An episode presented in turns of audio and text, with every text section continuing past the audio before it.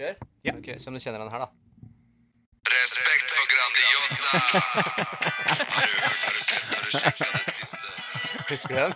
Den husker jeg veldig godt, ja. Vi hører det. Det var en av de aller første reklamene for Grandiosa, det? Ja, det sjuke var at jeg satt på denne bilen i stad, og da jeg fikk litt lyst på Grandiosa. og vi snakka om det her sist med Grandis, litt sånn uh, om det egentlig er godt eller ikke. Ja. Og det, det er jo egentlig ikke digg, fordi du må dynke ned ketsjup for at det skal være godt. Du må skru av lyden på telefonen forresten. Men Det var et eh, eller annet som kom opp her nå. ja, det var Grandiosa, så reagerte den. Ja, det var et eller annet der, kanskje. Nei, men så hørte jeg sangen, så ble jeg sittende sånn Catchy låt. Jeg husker liksom det var noe dansing og masse greier. De hadde noe annet òg som het eh, Full pakke. Ja, ja, ja, ja. ja. Så de spilte virkelig på at folk skulle bli glad og kjenne på de følelsene der når man spiser maten. da. Ja. Sånn litt inn på dagens tema vi skal prate om seinere om. Var det ikke der hun ble kjent, hun uh, Jenny Skavlan. Jenny Skavlan. Ja, ja, Grandiosa-jenta. Ja. Kult. Nei, men uh, vi er i gang. Ja, nå er vi i gang. Ja. Ja, Er du klar for dagens episode? Veldig. Er du? Det blir spennende. Det blir det. Ja. ja. Jeg gleder meg til å prate om det her. Det er jo et tema som, eh, som vi har diskutert litt, og som jeg har diskutert mye med mine kunder den siste tiden. Mhm. Mer og mer aktuelt, så det skal vi inn på snart. Aller først, litt sånn kjapp eh, oppdatering, som vi alltid gjør. Hva du driver med siden sist? Jeg så jo deg i går, da, så det blir litt sånn dumt å spørre, men i går var vi jo sammen. Det var vi. Og så var vi sammen på lørdag òg. Det òg. Ja. Det kan du si litt om, da, for det er en fin ting å, å dele. Ja, det, det er absolutt det. Eh, Det har ikke, ikke skjedd så mye annet enn bare jobb eh, hele uka. Men lørdagen så Jeg hadde jo helgevakt på CrossFit, vil si at du har timer fredagskveld og lørdagsmorgen 9 til 12. Så vi velga da å ta de øktene på Voldsløkka. Så i samarbeid med, med Kyrre Kjesbu, som tidligere eh, personlig trener på, eh, på Myrens treningssenter, han eh, kom her for et par måneder rett før sommeren og spurte om eh, eh, om vi kunne være med og ha et lite samarbeid rundt en, en treningsøkt som han ønska å gjøre for å hedre og minne eh, hunden sin Mio, Mm. eh, som gikk bort eh, rett før sommeren litt eh, veldig, veldig tragisk, med at han har fått noe amfetamin eller noe sånt i var helt sjukt. Da han ble ringt fra Når dyret var inne der på akutten her, så ble han ringt og sagt at eh, de hadde funnet amfetamin i blodprøvene. Ja. Så han hadde fått det i seg, da, og så døde han. Så det var veldig, veldig trist. Eh, så da sa vi at ja, det her er jo kjempebra. Det er jo det som er fordelen med å være en crossfit-boks. Det er såpass få medlemmer. Vi kan være med og, og bidra til sånne ting. Vi har muligheten, så hvorfor ikke? Så da kunne vi være med og hedre Mio. Eh, så vi kjørte økt på, på Voldsløkka. Eh, I tillegg til det så var det jo egentlig litt sånn feiring av våre firbente venner. Mange er veldig glad i hunder, så det var mange som kom eh, med hundene sine på, på økta. I, I tillegg til at vi fikk samla inn penger og donert penger til eh, FO, eller FOD. Så Foreningen for omplasserte dyr. Så da hadde vi muligheten til å gjøre det, så da tenkte vi at eh, det var jo helt supert. Så vi klarte, eh, Du var jo med på den økta som var klokka ti. Jeg var med, Ida var med, og Alv var med. For en trio. Fantastisk. Nei, så vi var nærmere Vi var nærmere 50 stykk på den økta. Så hadde vi økt klokka ni og klokka elleve, som egentlig bare var i regi av Krøsse Sagene. Mm. Det der var Så det var en fin, eh, fin liten ting. Ja, veldig fin økt. Og så var det eksamen i går. Praktisk eksamen. Riktig. Første for eh, sesongen, kan vi kalle det. Så vi Ja. jo sensorer begge to. Mm. Det var mye bra, da. Det var veldig mye eh, bra. Imponert over denne gjengen som var i det her sommerkullet. Det, det er jo krevende å være et intensivkull eller, i en PT-utdanning, for det er såpass mye som skal lære, lære seg, eh, man skal lære seg.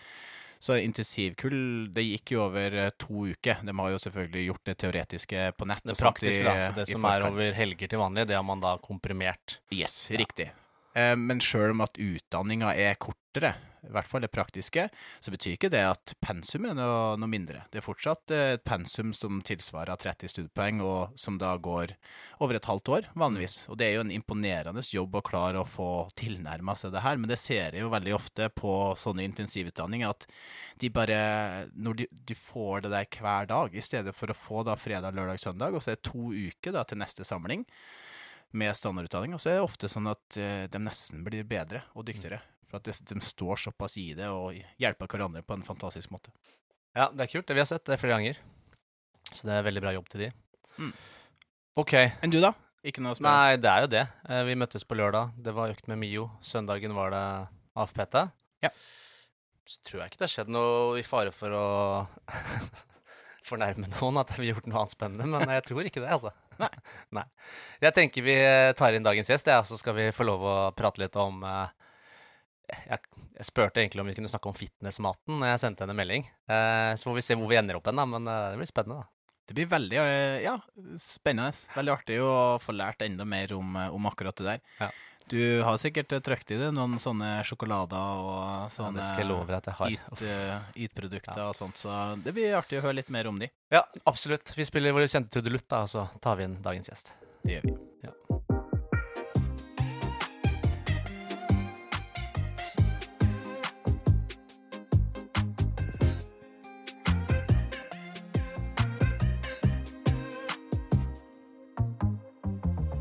Hjertelig velkommen til podkasten Litt for personlig trener med Tommy og Alex. Og i dag så har vi med Marit Kolby.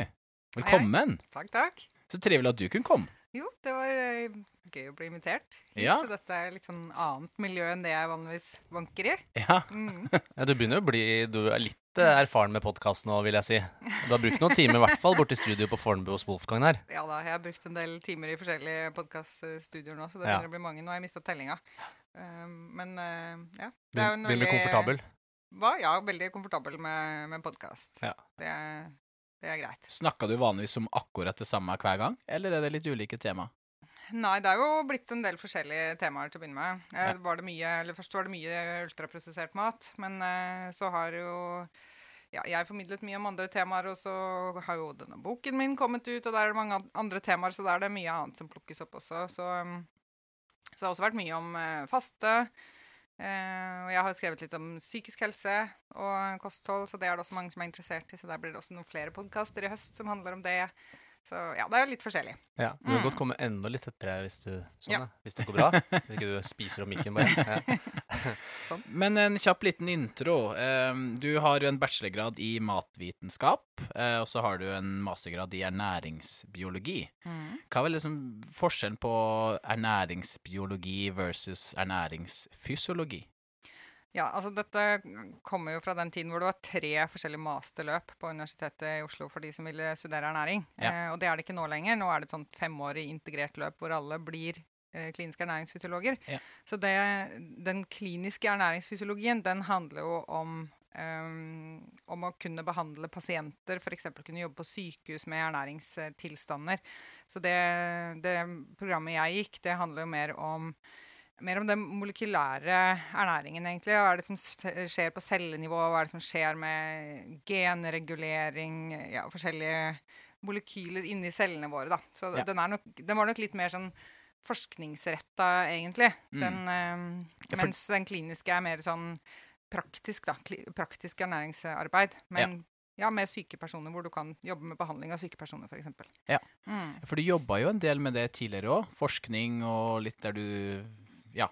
Ja, jeg har jobbet litt på det feltet der. Da. Så jeg tok et lite, sånn, et lite sidespor og jobbet med molekylærbiologi og cellebiologi etter at jeg var ferdig med utdannelsen min. Jeg jobbet på Radiumhospitalet en stund. Ja. Så da holdt jeg på med ja, egentlig litt sånn grunnforskning innenfor kreftforskning. da. Mm. Så det var, eh, det var eh, veldig mye relevante metoder, men ikke jobbet ikke med mennesker, da. Jeg har jobbet med gjær. ja. Med gjær, Men du kan finne ut forbausende mye om hvordan Ja. mennesker fungerer ved å studere gjær, faktisk. Vi er jo genetisk veldig like gjær. OK. Mm, det Ja, er veldig oi, mange av de jeg samme Jo, jeg tror det er sånn Altså, jeg har hørt at vi er 70 eh, genetisk overlapp med gjær, men selvfølgelig det er veldig mye mer som Uh, Veldig mye mer regulering av genuttrykket i mennesker og sånn da, som ikke du finner i, i gjærceller. Men mange av de altså de basic funksjonene våre, altså hvordan er det man f.eks. bryter ned et glukosemolekyl og henter energi ut av det og sånn, altså disse reaksjonsveiene der er like Ja. eh, mellom eh, ja, sånne typer celler, da. Så ja. Så Det er forbausende mye på. å lære der. Man kan Men eh, ble du veldig lei av å lage brød og i sånne tida? Surdeigsbrød og sånt? Sånn Ja, det var sånn vi gjorde det på laben der på Radiumhospitalet. Så bakte vi brød. Altså isolerte vi jern derfra. Nei, vi gjorde ikke det. det foregår på litt annen måte. Men det var faktisk noen som hadde prøvd å bake med disse gjærstammene som vi Ja. brukte på laben. Eh, og det funka visst, det også. Ja. Funka sånn, eh, sånn passe. Eh, så, men det er faktisk sånn eh, Eh, Nå jobbet ikke, jobbet ikke jeg med den gjærstammen, da, men det er også mange som jobber med sånn vanlig bakgjær. Ja. Mm. Spennende. For du, du jobba jo nå da som uh, høyskolelektor Ja. uh, og forsker da på Oslo nye høyskole, tidligere Bjørknes. Har du Mm. jobba der lenge? Ja, der har jeg jobba i uh, litt over sju år. Oi, Mm. ja. Trives? Veldig godt. Så det er derfor jeg blir værende der, da. Så bra. Perfekt. Det er veldig, det er veldig eh, gøy å jobbe med studenter. Ja. Det er det. Mm. Hva er det du foreleser i, da? Jeg foreleser i forskjellige ernæringsemner, og også på medisinstudiet. Ja. Så sånn selvmolekylærbiologi, sånn grunnleggende eh, ja, på medisinstudiet. Mm. Mm. Så bra. Eh, du er jo òg ute med ei eh, aktuell bok nå, som du var inne på sjøl. Så Ja. hva og når skal vi spise? Mm. Hva? Den har ikke kommet på nynorsk ennå. Den heter Hva og når skal vi spise? det var den er fin, oversettelse på nynorsk. Kanskje den kommer på nynorsk også. Kanskje Hvem vet? Altså, vi driver Jeg og diskuterer jo- oversettelser, så Bra, du får ta kontakt. ja. Det er jo en populærbok, da. Det skal man si. Jeg bestilte den her for å ta med når jeg var i Thailand i sommer. Skulle være der i tre og en halv uke. Så jeg bestilte jo boka di, og så skulle jeg lese den da på det som skulle vært solseng, som endte opp å bli litt regnseng. Eh, Jeg skulle lest den i Thailand i hvert fall, men da fikk jeg beskjed om at eh, nei, det opplaget var utsolgt, så jeg måtte vente. Mm. Så jeg fikk jo ikke boka mi før jeg kom hjem. Men jeg har fått lest den. Mm. Og først og fremst, jeg har hørt og fått litt skryt for det, men liksom layouten. Ja. Layouten og måten den er lagt opp på, både med sider, kapitler, budskap Altså, den er så enkel Det er så lett, for jeg har jo vanskeligheter tydeligvis å lese en bok sammenlignet med for ti år siden. Så syns jeg det er mye vanskeligere å sette meg ned og konsentrere meg. Ja, Men Det er her- jo ikke noe som bare gjelder deg, tror jeg. Det er Nei noe, da, det er jo endring som har skjedd sånn generelt i samfunnet.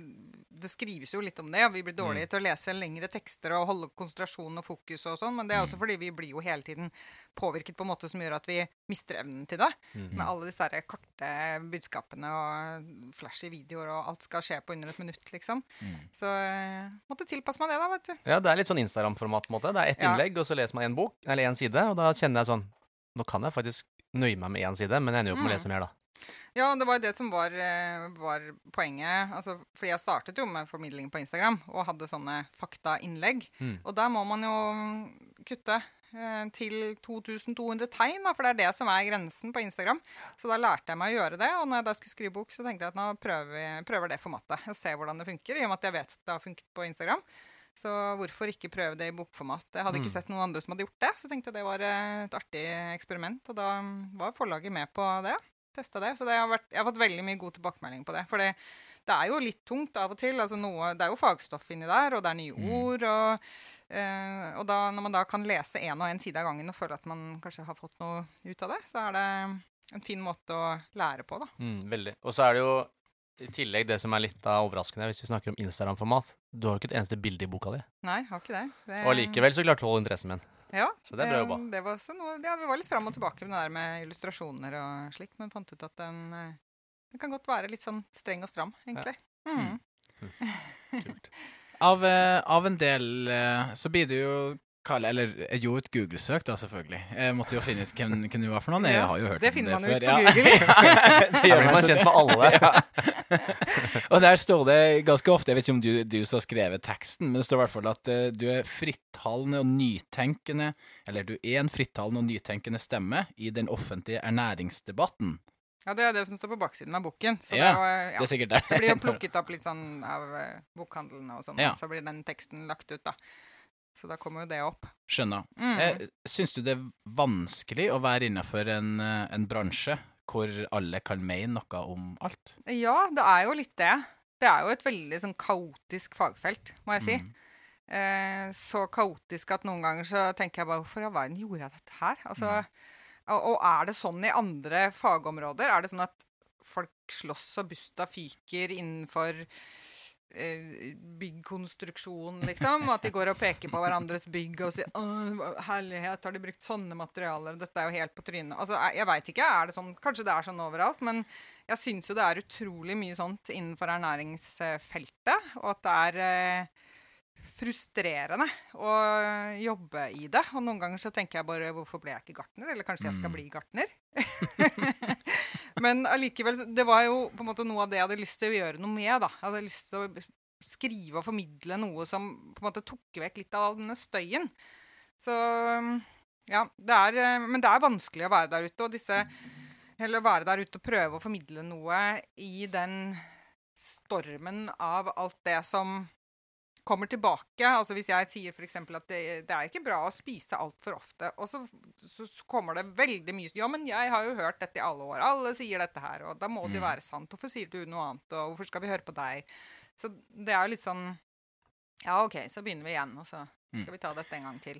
Vi merka det jo veldig godt innenfor det vi òg jobber med innenfor trening. Mm. Alle har jo en mening om alt der òg. Ja. Og det er jo fordi det står såpass eh, nært til folk. Og mat. Alle Mm. spiser jo mat. Ikke Så sant? alle Alle har jo Ja, men det er sånn knytta til følelser og det Ja. greiene her, og Mm. man blir veldig sånn Det har jeg erfart, og det har eh, Ja, ikke Og så det virker det innenfor næring at man skal liksom claime ulike måter å spise på. Så det er sånn OK, så har vi da eh, Fedon Lindberg, ikke sant. Så blir han kjent, så blir han et navn, og så skal på en måte ha hans måte. Mm. Så er det sånn Ja, men det er jo ikke Mm. din måte. Men kan vi ikke liksom prøve å finne ut av hva vi er enige om, da? Ja, det hadde vært veldig fint hvis Men, vi kunne gjøre litt eh, mer av det, og det gjøres altfor lite innen Ja, og kanskje enda mer etter at, føler jeg, etter sosiale medier kom, fordi at alle kan dele noe, alle kan komme med en mening. Og Mm. da Klart det blir jo viktig å arrestere de som tar fullstendig feil, men deler det til veldig mange. Mm. Men nå føler jeg at det er litt sånn arrestasjonssamfunn, og ingen tør jo å si nesten høyt hva de faktisk mener, eller hva de har funnet ut, eller hva de tror på. Mm.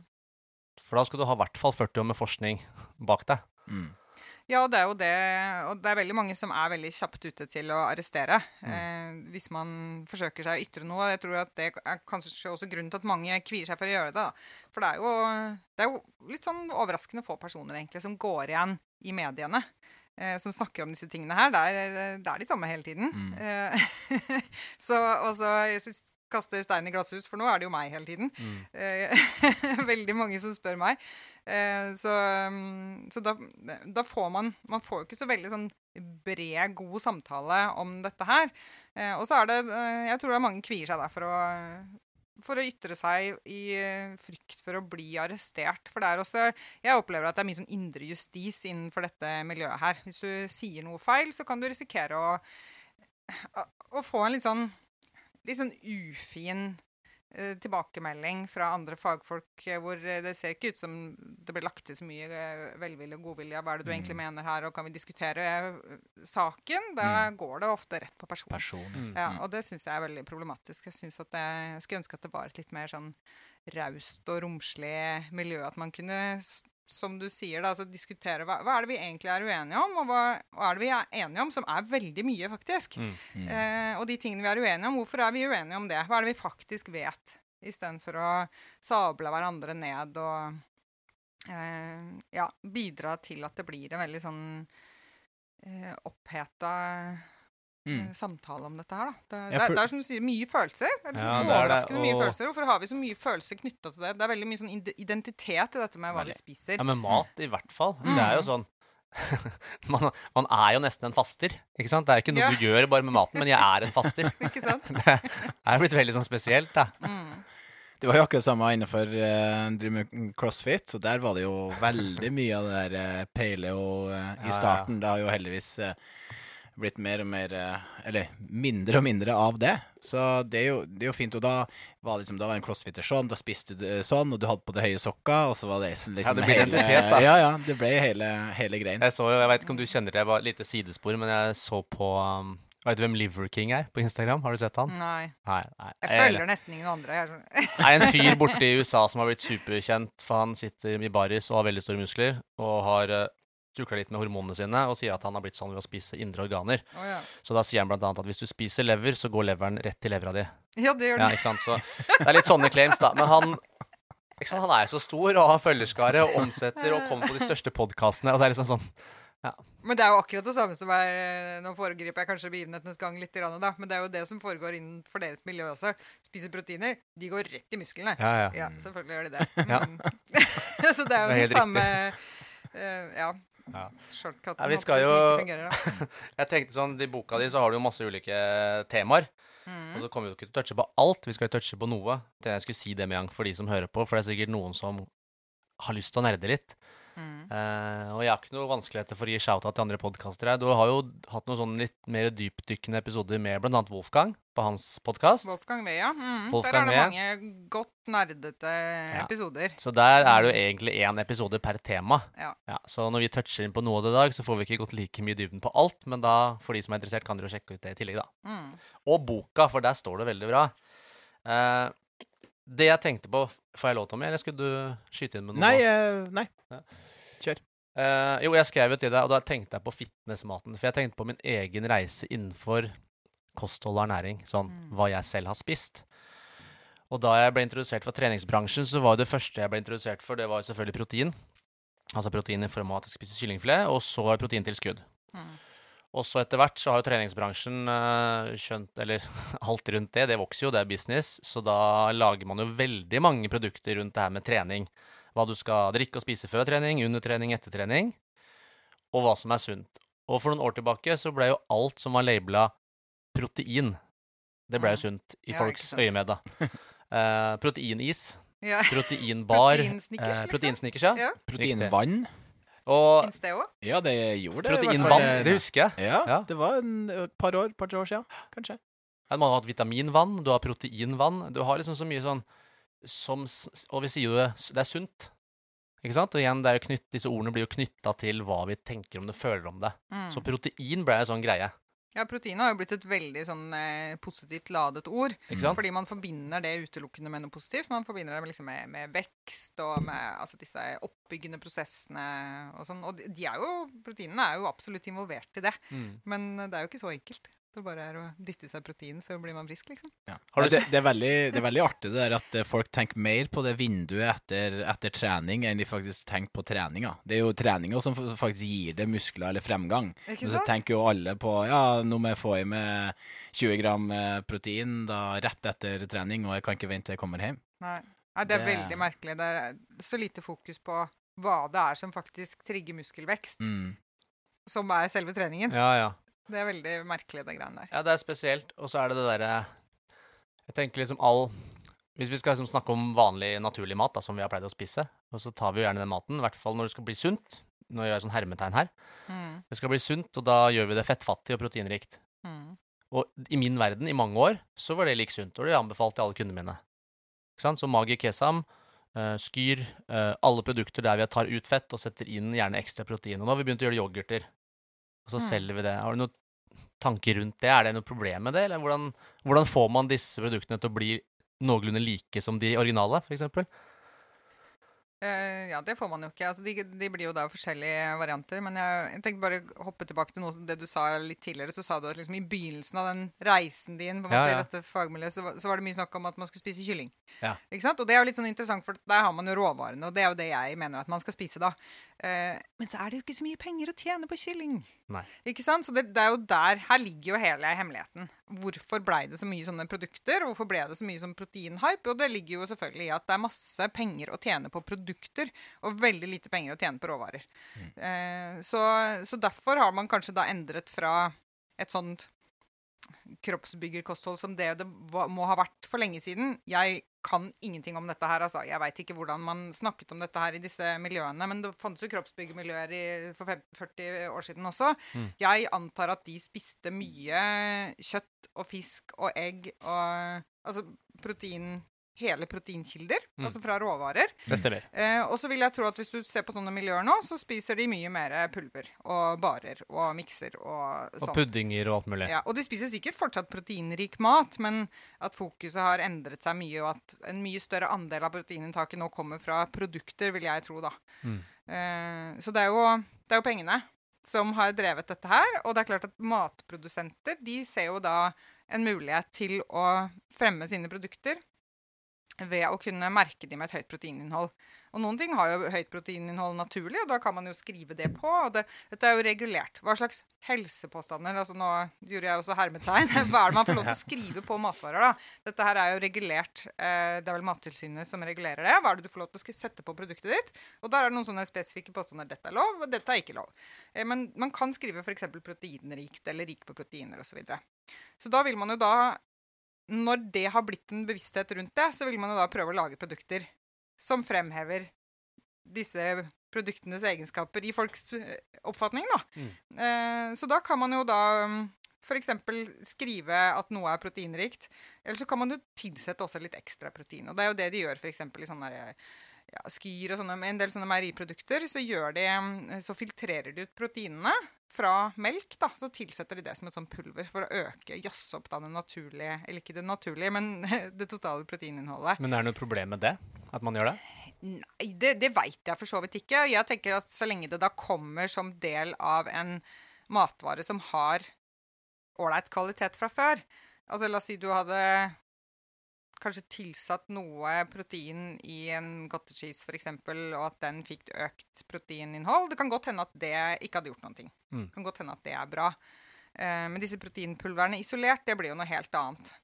Eh, jeg mener jo bestemt at vi skal ha næringsstoffene våre i en form og en struktur som maten naturlig bærer dem i, da. Og at det er det som er riktig for oss. For da, da, dette handler jo om fordøyelsen vår. Det handler om hvordan maten skal samspille med, med mikrobiotaen vår. Altså alt, alle mikrobene som lever i fordøyelsen. Alt fra munnen og hele veien nedover. Eh, og hvordan dette igjen skal samspille med vår fysiologi. Mm. Eh, og hvis vi ikke får maten i dens opprinnelige form, hvis vi får den brutt ned og isolert til pulver og ja, ekstrakter, så, så skjer ikke dette på samme måte. Ja, for det har man vel sett med vitaminer og sånn, har vi ikke det? Med tilskudd Ja. versus når det finnes i den opprinnelige formen i maten. Mm, det får ikke den samme effekten, og det handler jo også da om at med tilskudd så blir jo alt frigjort høyt oppe i fordøyelsen. ikke sant? Det kan jo starte allerede i munnen, men det skjer antakeligvis i magesekken.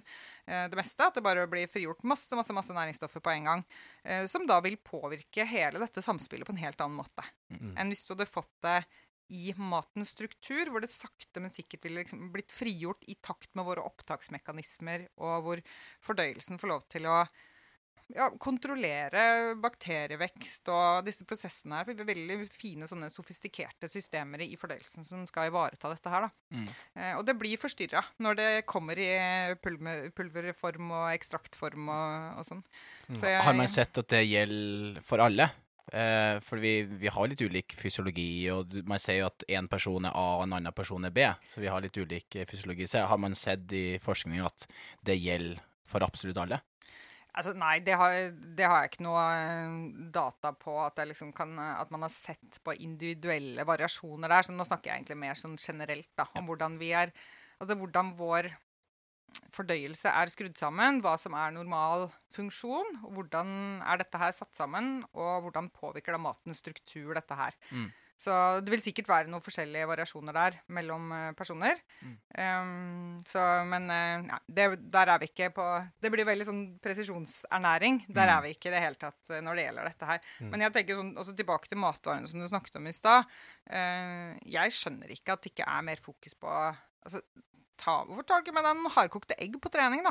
Istedenfor å spise disse her eh, barene og pulverne og puddingene og eh, Altså hvis man virkelig skal ha kvalitetsmat, og skal Mm. ha noe som er i en form som vi jo er utviklet for å ta det til oss, Mm. så hvorfor ikke bruke disse naturlige proteinrike matvarene hvis man skal ha masse protein? Mm. Hvorfor, bare- hvorfor tror du at eh, folk velger det? da? Er det for at det er lettvint, eller for at det smaker bedre, eller er for at eh, Ja, hva er grunnen, tror du?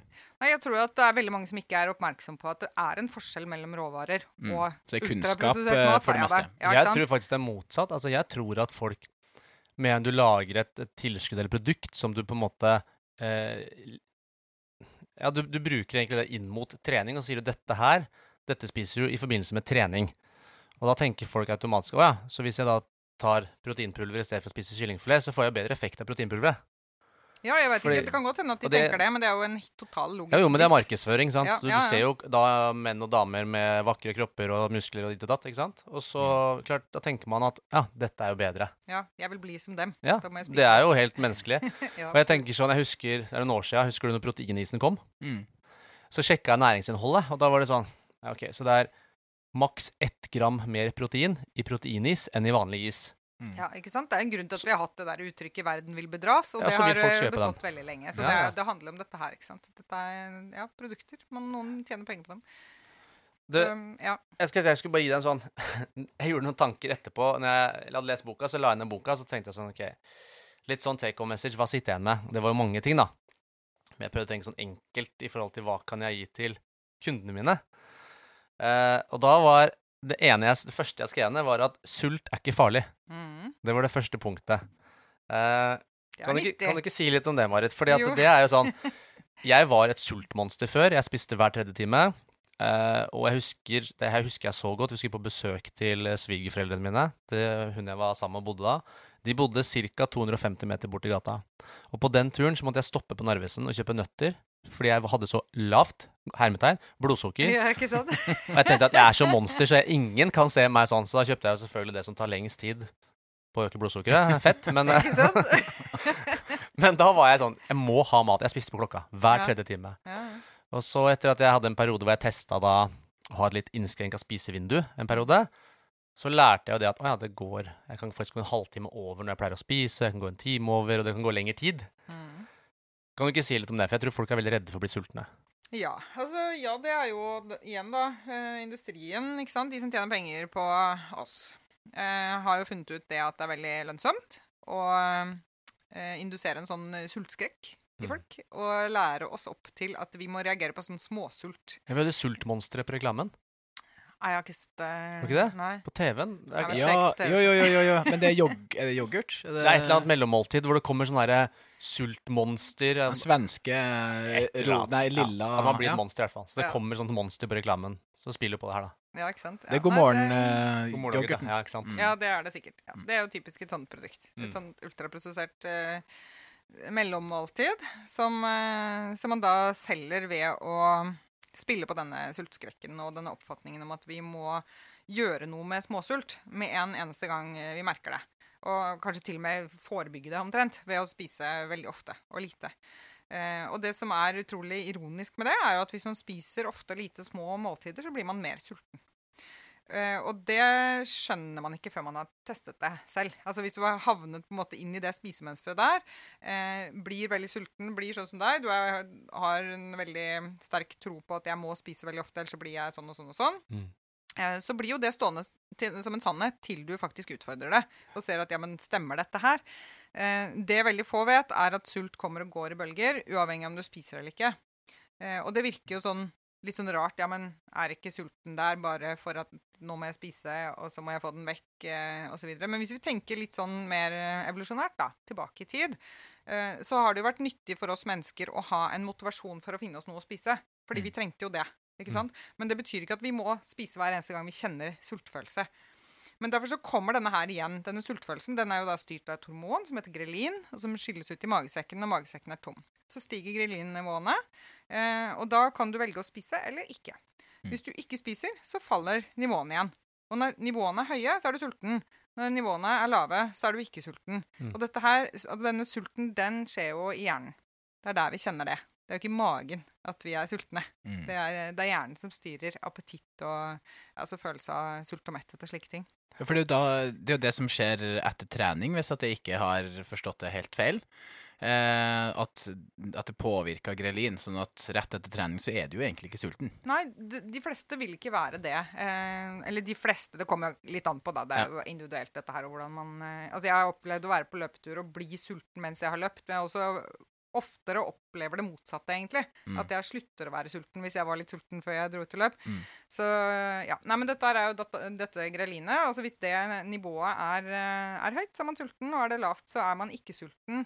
Eh, og jeg mener å huske at uh, trening eh, undertrykker utskillelsen av grelin. Så, Mm. så det er jo helt logisk. Og også fordi at når man da trener, så frigjør man jo lagra energi fra fettvev og lever og sånt, Mm. for at man nettopp skal ha noe å trene på. Så da Mm. trenger man jo ikke å spise mens man trener. Nei. Så ja. Jeg tenker sånn, Det å være sulten er jo ikke en sånn Det er jo ikke en følelse som gir meg lyst til å gjøre veldig mye, annet enn at jeg har lyst til å finne noe mat der og da. Så hvis jeg nå er på savannen og ikke har mat, og så er jeg ute og prøver å finne mat Hvis jeg går og er kjempesulten hele tida, så ville du kanskje hindra meg litt, da. I Ja, det absolutt. å holde fokus på det jeg faktisk skal. Ja, Det blir en slags sånn motivasjon som kommer inn i hjernen. 'Å ja, stemmer, jeg må finne meg et eller annet å spise.' Og så forsvinner jo den sultfølelsen igjen Mm. eh, en stund. Eh, og det er jo det man opplever når man utfordrer den der sannheten med at jeg må spise hele tiden.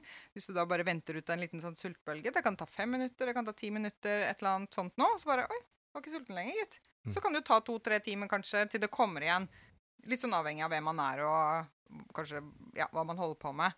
Eh, men for mange så er det en helt sånn revolusjonerende følelse. Å oppleve det at Oi, det gikk over igjen. Og jeg fungerer. Jeg fungerer helt fint. Både mentalt og fysisk. Og mange opplever til og med at de fungerer bedre når de har litt lengre sånn opphold mellom måltidene. Oi, jeg føler meg mentalt klarere. Jeg er frisk og energisk og har eh, ja, masse spenst i beina, liksom. Mm. Og hadde aldri sett for seg at det faktisk var en mulighet. Så, så det er viktig at vi, at vi kan ta litt hull på den myten der at vi må spise hver eneste gang vi kjenner antydning til sult, og at det er bra for oss, for det er det absolutt ikke. Uh, og at, dette, ja, at sult er ikke en sånn lineær stigende følelse av ubehag, da. Det er en uh, sånn bølge som kommer og Mm. går. Mm. Mm. Så man har jo målt det um, i studier. Du kan jo måle f.eks. grelinnivåene hos personer som faster gjennom et døgn, og da ser man at uh, de stiger og synker uavhengig om de da spiser. Og dette går i sånne Ja, det er sånn eh, jevne mellomrom. Så kommer den sulten tilbake, da. Ja, fordi den, ja. man hører jo ofte når det kommer til eh, helse, så er det sånn Det å ha en struktur da, på alt man gjør i løpet av en dag, er jo kjempeviktig. At man legger seg og står opp til samme tid. Eh, og så kommer det også inn at man da spiser til samme tid. At måltidene måte faller under samme klokkeslett. Ja, jeg har sett at noen eh, påstår at det er, er viktig. Mm. Eh, jeg kan ikke se noen eh, sånn fysiologisk begrunnelse for at det skal være eh, riktig i det hele tatt. Jeg tror nok at du vil kanskje gå deg inn i en sånn slags rytme. At eh, hvis du spiser til gitte tider eh, Hvis du da faster et helt døgn, så kan det godt hende at du blir sulten til de tidene. At du på på en måte programmerer deg litt til at ja, jeg er vant til å spise da, da blir jeg sulten da. Mm. Eh, men det betyr ikke at du må spise da. Nei. Ikke sant? Du kan velge å spise eller ikke til det tidspunktet. Du kan velge å vente. Mm. Så eh, jeg mener jo at ikke det, det stemmer i det hele tatt. At ikke vi trenger å eh, la oss styre av sånne faste rutiner. Jeg tror nok det er ganske smart å ha litt sånne rutiner på når man sover og eh, våkner og sånn. Så, men, eh, eh, men akkurat det der med spisingen Jeg kan ikke se noen god fysiologisk begrunnelse for at ikke man kan spise ett måltid en dag og tre måltid en annen dag, og så gi fullstendig beng en dag og spise akkurat hva man vil, liksom, for da var det 17. mai eller et eller annet. Og så øh, ha sånn noenlunde rutiner igjen, da, men at det må være akkurat to eller tre måltider, og at det må være akkurat det klokkeslettet osv., den, den er ikke jeg med på. Har du, Nei, prøv, altså- har du prøvd litt sånn sjøl? Ja, jeg har prøvd eh, veldig mye forskjellig, egentlig. Ja. Eh, masse faste regimer og forskjellige måter å spise på forskjellige tidspunkt og, og sånn. Så, men jeg har landa på at jeg, jeg trives med å vente litt på morgenen. Til, jeg spiser egentlig gjerne da en tidlig lunsj. Mhm. Um, hender jeg venter litt lenger hvis jeg skal, skal spise med kolleger og sånn. Men hvis jeg skal helt følge kroppen min, så spiser jeg kanskje sånn i 10-11-tiden eller et eller annet sånt. Da er jeg skikkelig sulten. Og da Mm. vil jeg ha mat. Og da spiser jeg et stort måltid, og så spiser jeg ikke noe før jeg spiser middag igjen med barna på ettermiddagen. Mm. Kanskje femtiden eller et eller annet sånt. Men der er jeg også litt lik sånn. Du er jo helt motsatt. Du må jo ha frokost med når du står opp. Du er jo sånn frokost, du er sulten når du står opp. Ja, jeg, ja, jeg er ganske sulten. Og det er jo Ida, samboeren min, nå. Mm. Jeg er jo ikke sulten når jeg står opp, så jeg må jo vente da Ja, nå står jeg opp før hanen galer en del ganger, da, ikke da? Jeg står opp kvart over fire. Eh, men da spiser jeg frokost åtte som regel, da. Ja, men Så da da har jeg vært våken noen timer. ja. Men det merker jeg da i sånne helger og sånn. Hvis jeg da sover litt lenger, og så skal vi et eller annet, så kan jeg slite litt med å få i meg frokost, for jeg er vant til å vente noen timer. Mm. Så jeg er jo ikke sulten før jeg har vært våken en liten stund. Ja, ikke ærlig. Jeg også har- det sånn. Men jeg, had, jeg var jo sånn som deg før, da. At jeg våkna og bare Å, sulten! Må ha mat Mm. med en gang. Det var liksom det første jeg gjorde, var å spise frokost. Mm. Og jeg trodde at jeg var avhengig av det. Jeg trodde heller avhengig at jeg måtte gjøre det, da. At det var liksom viktig for, for meg. Mm. Eh, helt til jeg utfordra det også, og prøvde å se om Ja, men nå skal jeg se hvordan jeg fungerer hvis jeg skyver litt på frokosten. Og så fant jeg ut at ja, men det går jo helt fint. Og det som var rart, var at etter en stund så var jeg ikke sulten til frokost lenger. Mm. Så nå har jeg jo da vent meg til en annen måte å spise på, og da Ja, Ja, nei, jeg har uh, hatt eh, litt sånn lignende sånn som det der uh, før, der jeg ikke har spist frokost før litt senere. Men jeg, jeg bare merker at det, det passer livet mitt veldig, veldig godt, og da skal spise frokost, fordi at jeg får mye mer struktur videre utover dagen. Sånn at for meg så, så funka det veldig, veldig bra, ellers så blir det veldig mange timer før jeg får spist, og jeg føler det påvirker jeg får så mye lyst på, på andre ting enn jeg egentlig bør spise. Uh, så det er egentlig bare litt derfor. Jeg Ja, føler er jeg får god energi fra starten, og det, Mm. det har egentlig funka, funka bedre for meg å gjort det sånn og spist frokost tidligere enn å skal vente lenger. Det er så mye lettere å gå da på bakstube og ta en, eh, en, en osteflut eller et eller annet sånt. Osteflut. Ja? Ostefløyte. Nei, har du ikke hørt om fluts? Nei, jeg har ikke det. Hæ? Nei, jeg vet ikke hva det er. Det er sånn jeg synes- med ost på. Ja, men jeg synes det er så synd i sånne debatter når man prater, så er det sånn Det er jo den praten her som forsvinner. Det at du sier 'ja, men så fint', du har lyst på mat om morgenen når du står opp, og det funker for deg bra. Du er ikke sulten, ikke tvinge deg mat, da. Ja, Det er jo akkurat det jeg prøver å, å formidle i boken min også. At, du skal, at det finnes ikke noen fasit på akkurat det. da. Man må både utfordre litt de sannhetene man tror at man besitter, Mm. og eh, altså være litt åpen for at det kanskje ikke det er, eh, kanskje ikke det er sånn allikevel. Men teste det ut og se hvordan responderer jeg på det. Mm. Og hvis man liker å spise frokost og trives med det, og det er da man fungerer best, så for all del. Og i hvert fall viktig, sånn som du nevner, da, at hvis du liksom venter, så trekkes du mot den dårlige maten. Mm. Det er jo absolutt ikke en bra effekt, så det må man jo være litt oppmerksom på. Mm. Men da tenker jeg at da må Såpass mye refleksjon må man klare å gjøre, da. Ja, man man ser de viktig mønstrene der, og Ja. hvordan er det dette påvirker meg. Mm, Eh, så, men da føler jeg av og til også at den derre eh, offentlige ernæringssamtalen kan bli litt sånn at ja, nei, men eh, alle må spise frokost, ellers så skjer akkurat det du, det du sier der. Mm. Altså da Såpass mye tillit må vi jo ha til individer at de klarer å gjøre seg de tankene. At de da ser ja, men hvis jeg ikke spiser frokost, så ender jeg opp med noe dårlig mat. Eh, Ja, da er det bedre at jeg spiser frokost. Mm. Men at man da skal si at alle må spise frokost for at ikke noen individer skal liksom rykke på den smellen der, det, Mm. det blir jo helt feil. Men det er så innprenta at selv om jeg, i den posisjonen jeg har da, med kundene mine eh, Noen ganger så må det liksom nesten liksom overtale seg til for at de skal tro at det fins andre måter å gjøre det på. Fordi de Mm. unnskylder seg med en gang og sier sånn Ja, eh, jeg veit jeg burde spise frokost, jeg får ikke til det. Og så spiser jeg Går det for lang tid på dagen. Eh, så det er derfor jeg er overvektig. Ja, det er jo en sånn eh, Det er en antakelse at det vil være følgen av å ikke spise frokost. Mm. Eh, Det stemmer jo ikke i det hele tatt. Det er veldig mange som utfordrer den tankegangen og tester ut da, hvordan reagerer jeg på å skyve litt på måltidene. Og da liksom opplever de at ja, men nå fikk jeg kontroll på appetitten. Mm. Nå, nå spiser jeg, når- jeg spiser når jeg er sulten, så klarer jeg liksom å spise et ordentlig måltid, stoppe når jeg er mett, og så holde meg da mett til eh, en del timer senere igjen.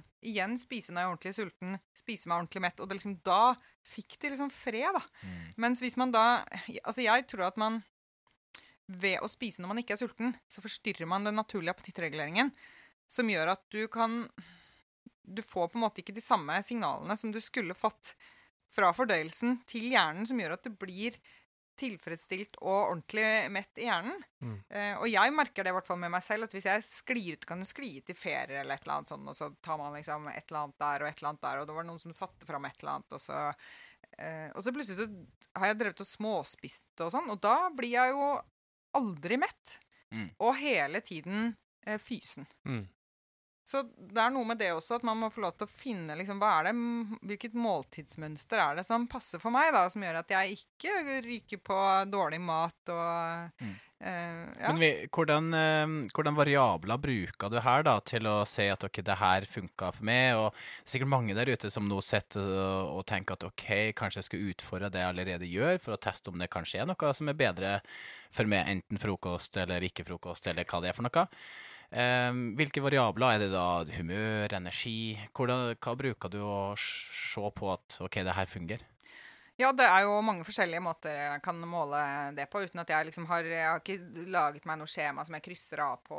Men jeg merker f.eks. at når jeg ikke har spist på morgenen eh, jeg drikker gjerne litt kaffe og sånn. Det, altså, det, det kan vi kanskje nevne med en gang. For dette, hvis man snakker om dette med å utsette frokosten, så kommer det da 185 spørsmål i innboksen min med en gang om hva kan jeg drikke mens jeg utsetter frokosten. Så da kan man drikke kaffe altså svart kaffe og te uten noen form for søtning eller melk. Og selvfølgelig vann og kullsyre vann og slike ting.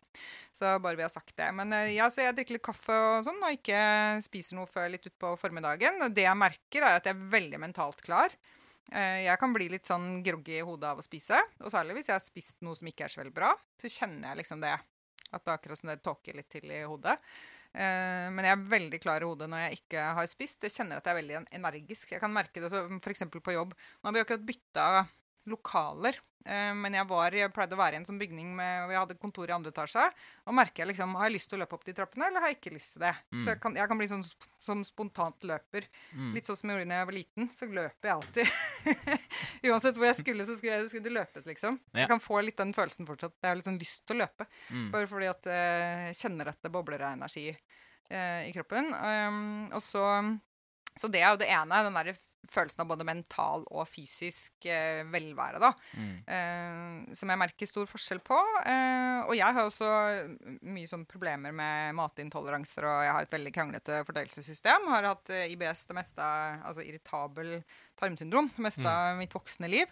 Eh, så det merker jeg jo også det på. Altså når jeg spiser, får jeg vondt i magen? Blir det Blåser magen seg opp? Eh, Sitter jeg tvekroket av smerte eller ikke liksom, når jeg har spist? Eh, Og det merker jeg også veldig stor forskjell på. Altså Hvis jeg spiser litt sjeldnere, får lengre nattfaste og sånn, så får jeg mye mindre plager med det. Og det er det veldig mange andre som opplever også. Så det er også en parameter jeg måler det på. Um, og så er det selvfølgelig dette med sult og metthet. da. Altså hvor sulten er jeg? Og blir jeg ordentlig mett? Hvor lang tid tar det før jeg blir sulten igjen? Disse tingene der. Og, for det, det er jo litt sånn forstyrrende det å være sulten hele tiden hvis du ikke da kan spise. Mm. Eh, spise et ordentlig måltid og spise deg ordentlig mett. Og det vet jeg jo at mange sliter mye med. ikke sant? Man sliter med eh, mye sånn tankekjør rundt dette her med å spise.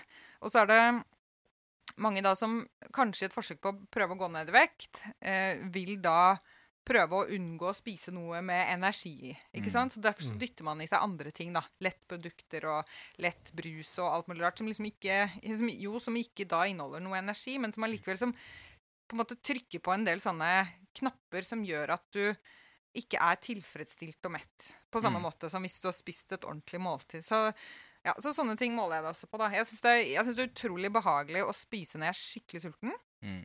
Liker ikke å spise når jeg er ikke sulten, sånn som du nevnte i stad. Det er med frokost, Spise frokost når man ikke egentlig er sulten, det er ikke noe digg. Mm. Uh, så jeg syns det er godt. Og jeg syns det er godt å spise meg ordentlig mett. Så når jeg først spiser, så vil jeg ikke spise bare litt. Da skal jeg spise det liksom er, ja, til det virkelig har slått ut i alle sånne metthetssignaler, og hjernen er fornøyd. Uh, og så vil jeg at det skal ta lang tid før jeg blir sulten igjen. For Mm. dette, da har man mange timer hvor man kan være produktiv og ikke tenke på dette her med, med mat og hva man skal spise, eller hva man eventuelt ikke skulle spist, eller ha dårlig samvittighet for noe man har spist, eller Det tar opp mye tid altså, for mange. Ja, og masse sånn eh, tanke, eller energi. Mm. Mental energi.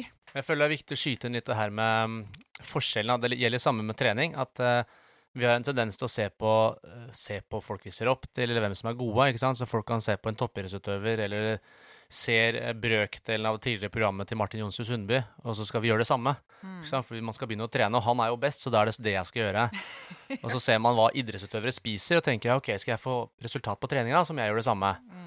Det er forskjell å sitte og sykle Tour de France da, og måtte trykke innpå med 12 000 kalorier for å komme deg gjennom, eh, kontra på en måte være en vanlig mosjonist. Men jeg tror at det er litt det òg, fordi at vi, vi vil gjerne se på det optimale.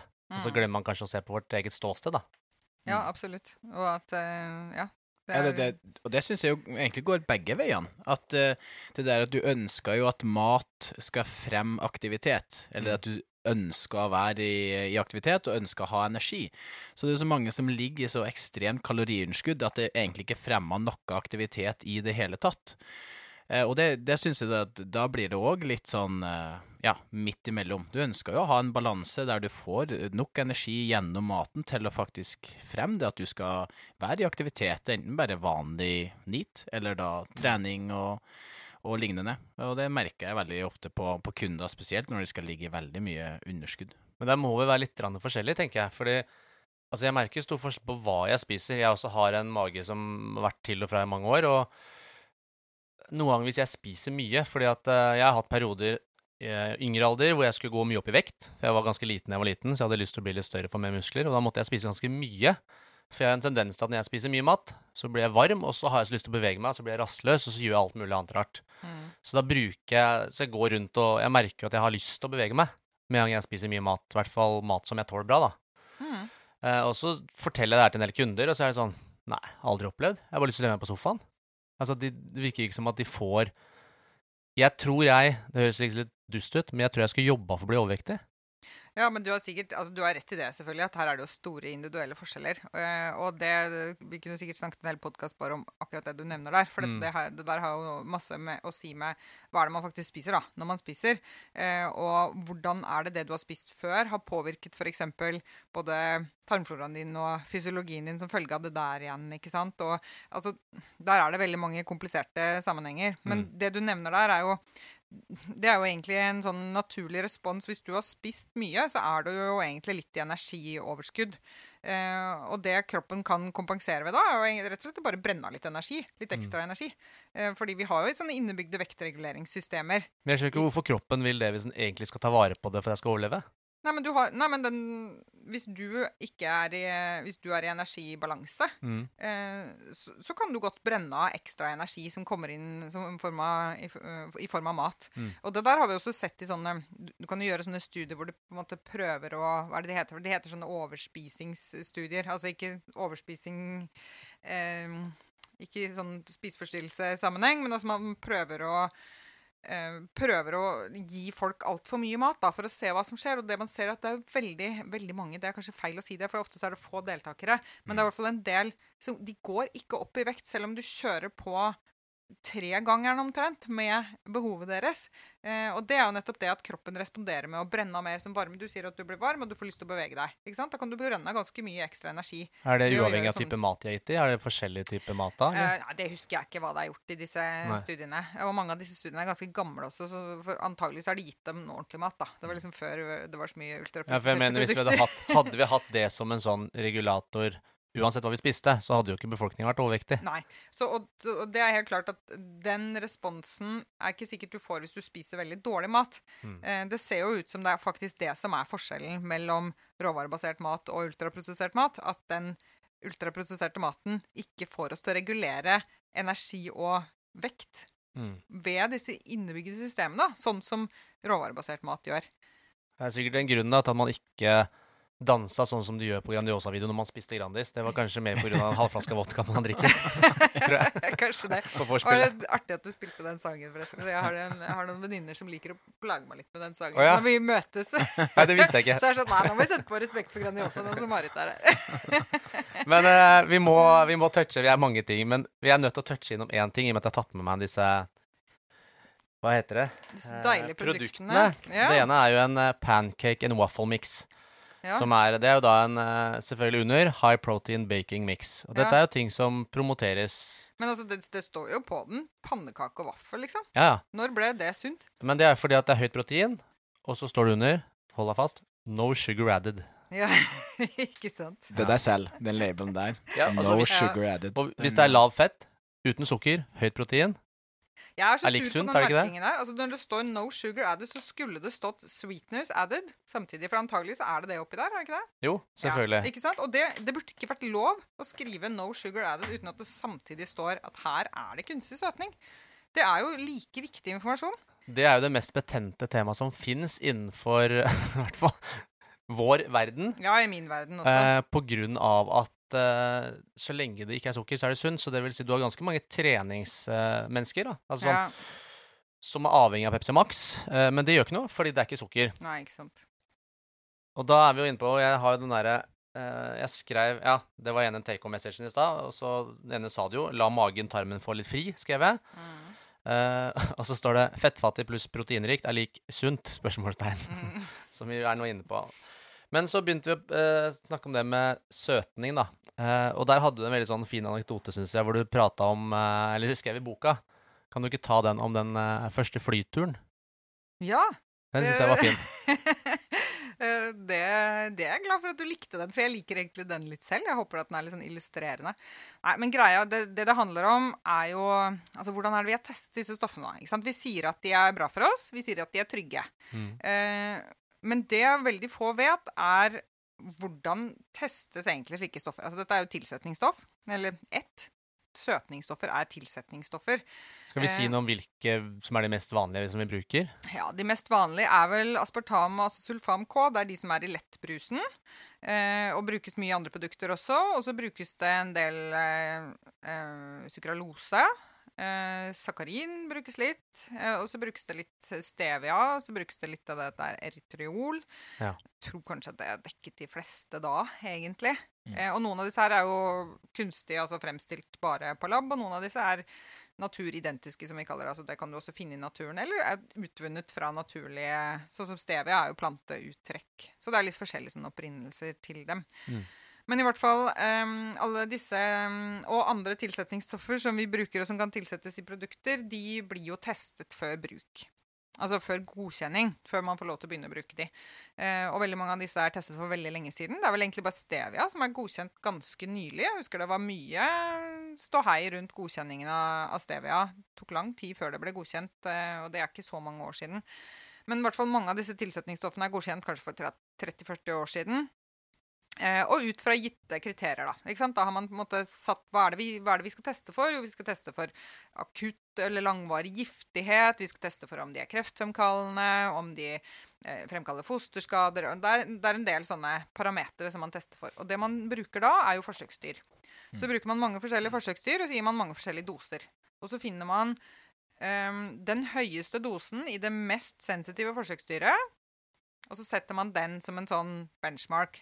Og så deler man den på 100, og så sier man det er eh, Dette har vi lov til til... Eller så mye kan du få i deg hver dag et helt liv uten at det medfører noe helseskade. Så det er liksom, dette er metoden for å vurdere sånne stoffer. Men så er det jo sånn at det er andre måter å bli syk på, det er andre måter å bli påvirket på enn det vi har testet for. Og det er jo denne analogien min med flyet, da. ikke Mm. sant? Det jeg skriver i boka, er jo at altså, Tenk deg at du skal ut på verdens første flytur. Og man har liksom forberedt seg godt, og man har bygget et fly, man vet at det fungerer, og så vet man at bensintanken er full, og at piloten er edru, og alle vet hva de skal gjøre, og alt sånt noe. Så har man fått dette flyet opp i lufta, og så kjører du og tenker dette går jo kjempefint. Og så er det noen som spør ja, men var det noen som sjekket at landingshjula fungerte. Og så var det ingen som hadde sjekka det. Og det kan jo være litt greit når man skal ned igjen. At man har fungerende landingshjul.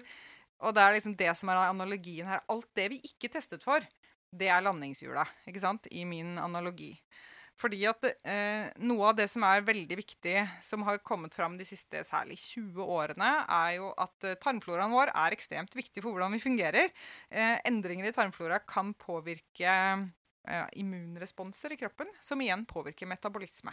Som F.eks. evnen til å tåle glukose og, og eh, fettomsetning i kroppen. Og det er masse forskjellige sånne metabolske effekter som kan gå på tur når eh, immunresponser aktiveres. Eh, så, det, så det er noe av problemet. Det ser ut som disse stoffene de kan endre tarmfloraen på en måte som gjør at metabolismen igjen endres. Mm. Eh, og dette her har man jo da sett i særlig studier på forsøksdyr. Eh, og så sier folk ja, men vi er jo ikke dyr.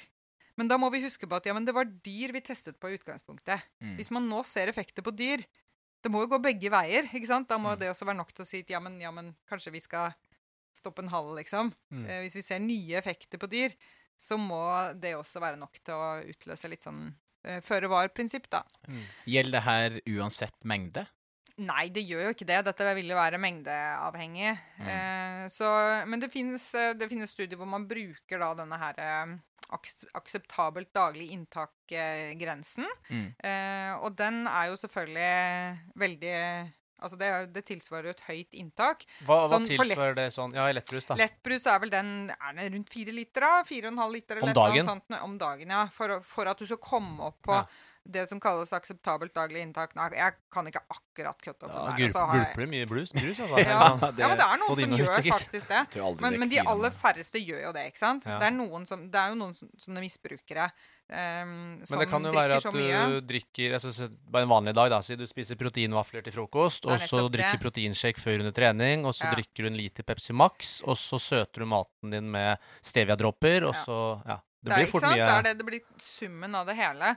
Eh, Så det er jo relevant. Men en annen ting er jo, som jeg nevnte i stad, at den, eh, den dosen man først eh, tar utgangspunkt i, den skal da deles på 100 for å få dette akseptable daglige inntaket. Og det er jo egentlig en sikkerhetsmargin. For å forhindre at ikke det er altså, forskjeller mellom individer og forskjeller mellom mennesker og dyr. og sånn, eh, At man ikke overskrider grensen. Så hvis man, eh, hvis man ser effekter når man bruker dette nivået i dyr, så har man jo egentlig satt den grensa 100 ganger for høyt. Mm. Skjønner dere Mm. poenget? Skjønner Ja, ja, Ja. absolutt. Mm. Jeg gjør det.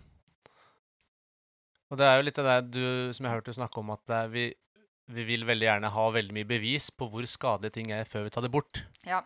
Og så er det noe med hvor mye bevis trenger vi egentlig for å ta det inn. Ja, ikke sant? Eh, Det er jo, problemet her er jo at det er godkjent på et mangelfullt grunnlag, mener jeg. da. Altså, egentlig så må vi jo revurdere alle disse stoffene som vi bruker i maten vår, eh, på nytt med de nye brillene på. Eh, så det er jo både dette her med tarmflora, men det fins jo andre, det andre effekter også. Man ser f.eks. at det endrer eh, altså de som drikker brus i svangerskapet, endrer jo da også sine barns metabolisme uten at barna er direkte påvirket, eller de blir jo ikke direkte eksponert. Så her er det også noen effekter vi ikke har testet for. Eh, og så ser man jo f.eks. at Både lettbrus og eh, brus da med ja, Det er disse søtstoffene generelt. Og Nå husker jeg ikke akkurat hvilke søtstoffer dette gjelder. og ofte så, Det kan hende at det blir gitt en kombinasjon også. Eh, men det er også et problem. ikke sant? For disse stoffene testes jo ett og ett. Men så får vi dem i oss i kombinasjon. som du nevner, ikke sant? Man drikker litt lettbrus, og så spiser man forskjellige produkter osv. Det er ingen av disse stoffene som er testet i kombinasjon. Så hvordan virker de sammen? Det er jo veldig sannsynlig at stoffer har en annen effekt sammen, og at de kanskje til og med forsterker hverandre eh, når, ja, når du får det i kombinasjoner. Så dette vet vi jo ingenting om. Så her er det Det er veldig mangelfullt godkjenningsgrunnlag for de stoffene her, da. Så, og det, men det er vanskelig felt, eh, også fordi at det er så forskjellige stoffer. Så man må egentlig det man ofte gjør i studier, er at man kanskje måler inntak av Eller forsøker å måle inntak av disse stoffene i en befolkning, og så bruker du søtstoffer. Ja, nei, ikke sant? Sånn cirka hvor mye, hvor mye lettbrus drikker du, osv. Um, men vi får jo ikke noen god oversikt over hva er det man faktisk får i seg. Hvilke stoffer er det man får i seg, osv. Mm. Uh, så, så dette her har jo vært altfor dårlig undersøkt i uh, forskningen, um, og veldig få humanstudier. Nesten ingen humanstudier som har undersøkt dette. Men det var bl.a. én studie som en sånn gullstandard, som vi kaller det. da, sånn randomisert, kontrollert studie, som testet fire forskjellige eh, søtstoffer på mennesker og på vektutvikling. Og så at de har veldig forskjellig effekt. Så um, ja. Så der er vi nødt til å gjøre et bedre arbeid for å finne ut av dette her. Og, så, og det var jo da bare på vekt. Men det at et stoff er, eh, ikke gir vektøkning, eh, betyr ikke at det ikke har noen andre skadelige effekter. Ikke sant? Så kan det godt hende at det påvirker en eller annen metabolsk funksjon som vil være negativ for den personen på sikt. Det er jo ikke sånn at vekt er det eneste. Mm. Eh, hvis man eh, tuller til glukosereguleringen f.eks., eller Mm. et eller annet annet, så kan det ha noen negative effekter. Så her, her er det så mye det er så mye vi ikke vet. Eh, og da tenker jeg Jeg syns jo at det er et kjempeeksperiment vi holder på med. Kjempehumant eksperiment å bare slippe dette her løs og si Vær så god, bare mm. tilgi dere dette her fordi at det ikke har noe energi. Eh, Det, det er veldig mangelfull forståelse Snøvla jeg skikkelig her. Mangelfull forståelse av vår humane biologi, da. Men så må det være litt problematisk det her med For jeg har jo merka det selv da eh, jeg har hatt alt det her i dagligkosten. Sånn eh, Det med at man venner seg til at alt skal være så søtt hele tida. Ja, fordi at Det merker jeg, at jeg søtt avler søtt, på en måte. Jeg vil ha, ha mer. Mm. Og for når de ekspertene, altså de som kan dette her, ikke klarer å bli helt enige, så sitter jo den vanlige personen som hører på oss nå i gata, da. Altså så sitter de sitter kanskje ikke i gata, men den vanlige personen i gata som hører på. Da tenker de hva, hva skal jeg forholde meg til? Det er ingen som kan si noe. Uh, men vi jeg vet ikke, faller vi ikke litt tilbake til den der lørdagsgodteposen som vi hadde helt enig. når Når vi du, var små? når du sa dette nå, så tenker jeg Jeg tenker med en gang sånn Ja, men hvis du drikker en halvliter brus på lørdag, så har det ingenting å si om den er sukker eller søtning. Tror jeg. Altså, problemet er Det er frekvens og mengde. Vi må ha det på et fornuftig nivå. Enten det er det ene eller andre. Og det blir det samme med disse herre Altså, Mange liker å lage sånne der kaker med kunstig søtning, liksom. Så skal man spise masse av en kake med kunstig søtning. Nei, vet du hva, vi skal ikke det. Hvis du spiser kake sjelden nok og lite nok, så kan du godt spise sukkerkake. Det er det som er greia. Mm. Vi må liksom ha det der fornuftige nivået av den dårlige maten og drikken, da. Og så må det være ordentlig mat, altså råvarebasert mat, og vann først og fremst som tørstedrikk, som er liksom dagligkosten vår. Ja, For jeg føler det er veldig lett å tenke at når du ikke drikker brus eh, som har energi, eller som da som du får med kalorier, så er det lett å, å tenke at «Å, da kan jeg jo drikke dobbelt, eller Ja. trippelte av det man vanligvis eh, Ja, gjør, gjør, du da. får ikke det sukker som er kalorier, og Mm. ikke da sukker som ødelegger tenna. Ja. Ikke sant? Så det er fordi du har lært at sukker var farlig, da. Mm. Men jeg, jeg kjenner meg jo veldig godt igjen, da. Jeg går jo på, på Kiwi og handler, og så tar jeg med meg en Villa Lett og en Fanta Free og så en Pepsi Max. Det, det, det har Du er den eneste som sånn. nevner Pepsi Max til slutt. i den Alle andre nevner det først, men du har liksom Villa Free. Det er ikke så vanlig. Ja, Fins det? Villa Free? Villa Lett. Ja. Så det er veldig sånn Villa Hva heter det? Villa Farris? Villa Champagne? Er det? Ja, det er sjukt Ja. godt. Veldig godt. Men hvordan er du, Aleksander? Jeg, jeg kjenner jo at eh, OK, tar en er nytt produkt mindre- uten ser, at, ser på OK, det er proteinrikt, og så Ja. er det ikke noe tilsatt sukker. Nei, altså, jeg Saft, både. Jeg vil si at jeg er litt mer bevisst rundt det nå. Jeg spiser og drikker mye mindre sånne ting nå. eh, men jeg har fått i meg veldig mye. Jeg jo, hadde jo daglig en proteinpudding i lang, lang tid Mm. som en del av kostholdet. Det var på en måte en del av et måltid, eller en ekstra dessert til et måltid daglig. Eh, og perioder, og det merker jeg, som jeg sier, at søtt avler søtt. Så hvis Mm. jeg tillater meg selv å begynne å drikke litt Pepsi Max hver dag, da vil jeg ha det hver dag. Mm.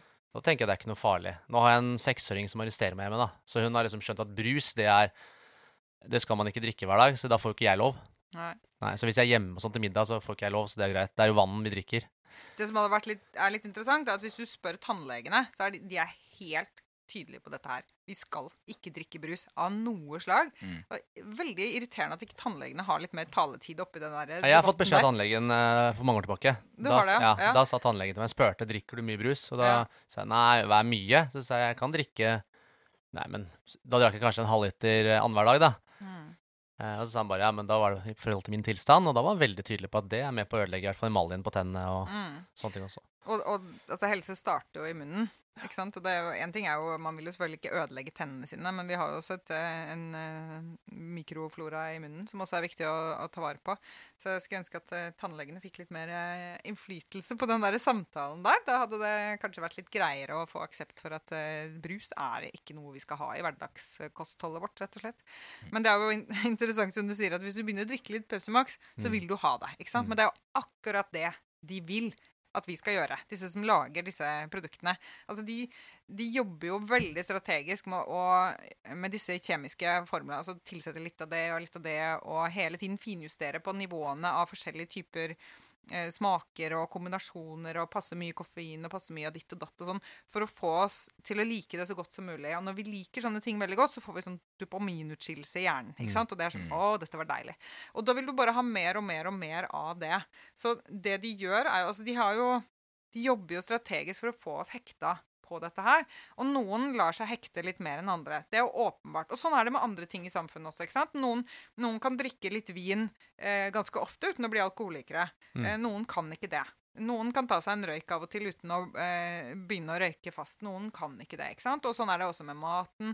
Vi, vi har forskjellige sånne tilbøyeligheter til å bli avhengig, og de som blir avhengig av lettbrus, de blir jo altså så hekta. Mm. Og det, Vi kjenner jo sikkert alle sammen noen sånne, sånne Pepsi Max-junker, som jeg Ja. kaller dem, Mm. eh, som har en veldig sånn Egentlig, Nå er det sikkert mange som blir sure på meg nå, for jeg regner med det er mange av deres lyttere som drikker mye eh, lettbrus og sånn. Men hvis man ser på det, hvis man hadde på en måte bytta ut den Pepsi Maxen med noe annet, som man vet er skadelig og avhengighetsfremkallende, så hadde det blitt veldig tydelig hvor forstyrra det er, eh, og hvor sterkt det avhengighetsforholdet er. Um, jeg vet ikke om dere leste denne NRK-artikkelen for en stund siden om en sånn eiendomsmegler uh, som En sånn dame som var så avhengig av Pepsi Max. Og det ble fremstilt som en litt sånn gladartikkel. Ja, dette er litt gøy. Jeg, første jeg gjør når jeg står opp om morgenen, jeg drikker masse Pepsi Max. Jeg drikker liksom Pepsi Max mens jeg puster tennene, og hele tiden altså litervis hver eneste dag. Ja, det var nesten, det var nesten sånn. Uh, men det var fremstilt som om dette var egentlig litt gøy. Men hvis du hadde bytta ut det med, eh, med alkohol eller et eller annet, så, så hadde du sett liksom Dette er jo en helt utrolig forstyrra atferd. Et veldig veldig sterkt avhengighetsforhold som åpenbart ikke er bra for denne personen. Eh, så jeg tenker at det er litt sånn Det kan være smart å ta et litt sånn oppgjør med seg selv om vil jeg egentlig være sånn marionettedukke for denne industrien, da? Vil jeg egentlig det? Skal jeg bare gå som en zombie inn på butikken og plukke med meg den der sekspakken med Pepsi Max og hele tiden dytte penger inn i den industrien fordi at de har bestemt seg for å lage et produkt som får meg til å, til å ha denne atferden, liksom? Og ja, tenke litt sånn rundt det, da. Mm. Vil jeg, vil jeg være sånn? Det, er, det, er det greit? Uavhengig av om det er skadelig eller ikke. Og jeg, jeg mener jo at det er skadelig, og at det er at et veldig sånn høyt forbruk over tid, eh, det, er, eh, det vil ikke være bra for noen. Mm. Med tanke på at man ser at det har såpass mange forskjellige negative effekter. Og noe av det som har kommet fram eh, i, i studiet på dette her, er at det ser ut som at det bl.a. ikke er noe bedre for f.eks. personer med diabetes. Eh, du får en eh, like dårlig blodsukkerregulering av å drikke lettbrus som å drikke sukkerbrus. Var ikke det en av grunnene til at dette her kom? Altså, Ja, sånn ikke for sant? Det, det var noe av grunnen Ja. til at det, det var der det oppsto in the first place. Det skulle Ja. liksom være et bra alternativ for de med diabetes, fordi det ikke påvirker blodsukkeret. Men så påvirker det den langtidsreguleringen av blodsukkeret. da. Det påvirker våre metabolske systemer for å opprettholde normaltilstand. Eh, så det er ikke noe bedre på sikt. Det ser ut som kanskje kroppen er nesten bedre, bedre kan håndtere å få sukker enn å få denne kunstige søtningen. Mm. Eh, og så har man eh, et par gode studier fra eh, en stor sånn kohort, sånn befolkningsstudie i Frankrike, som har veldig gode eh, kjempegode kostdata. De er nede på produktnivå. De, kan, de vet akkurat hva deltakerne spiser og drikker, da. Så de vet at, det, at de gjør dette her riktig.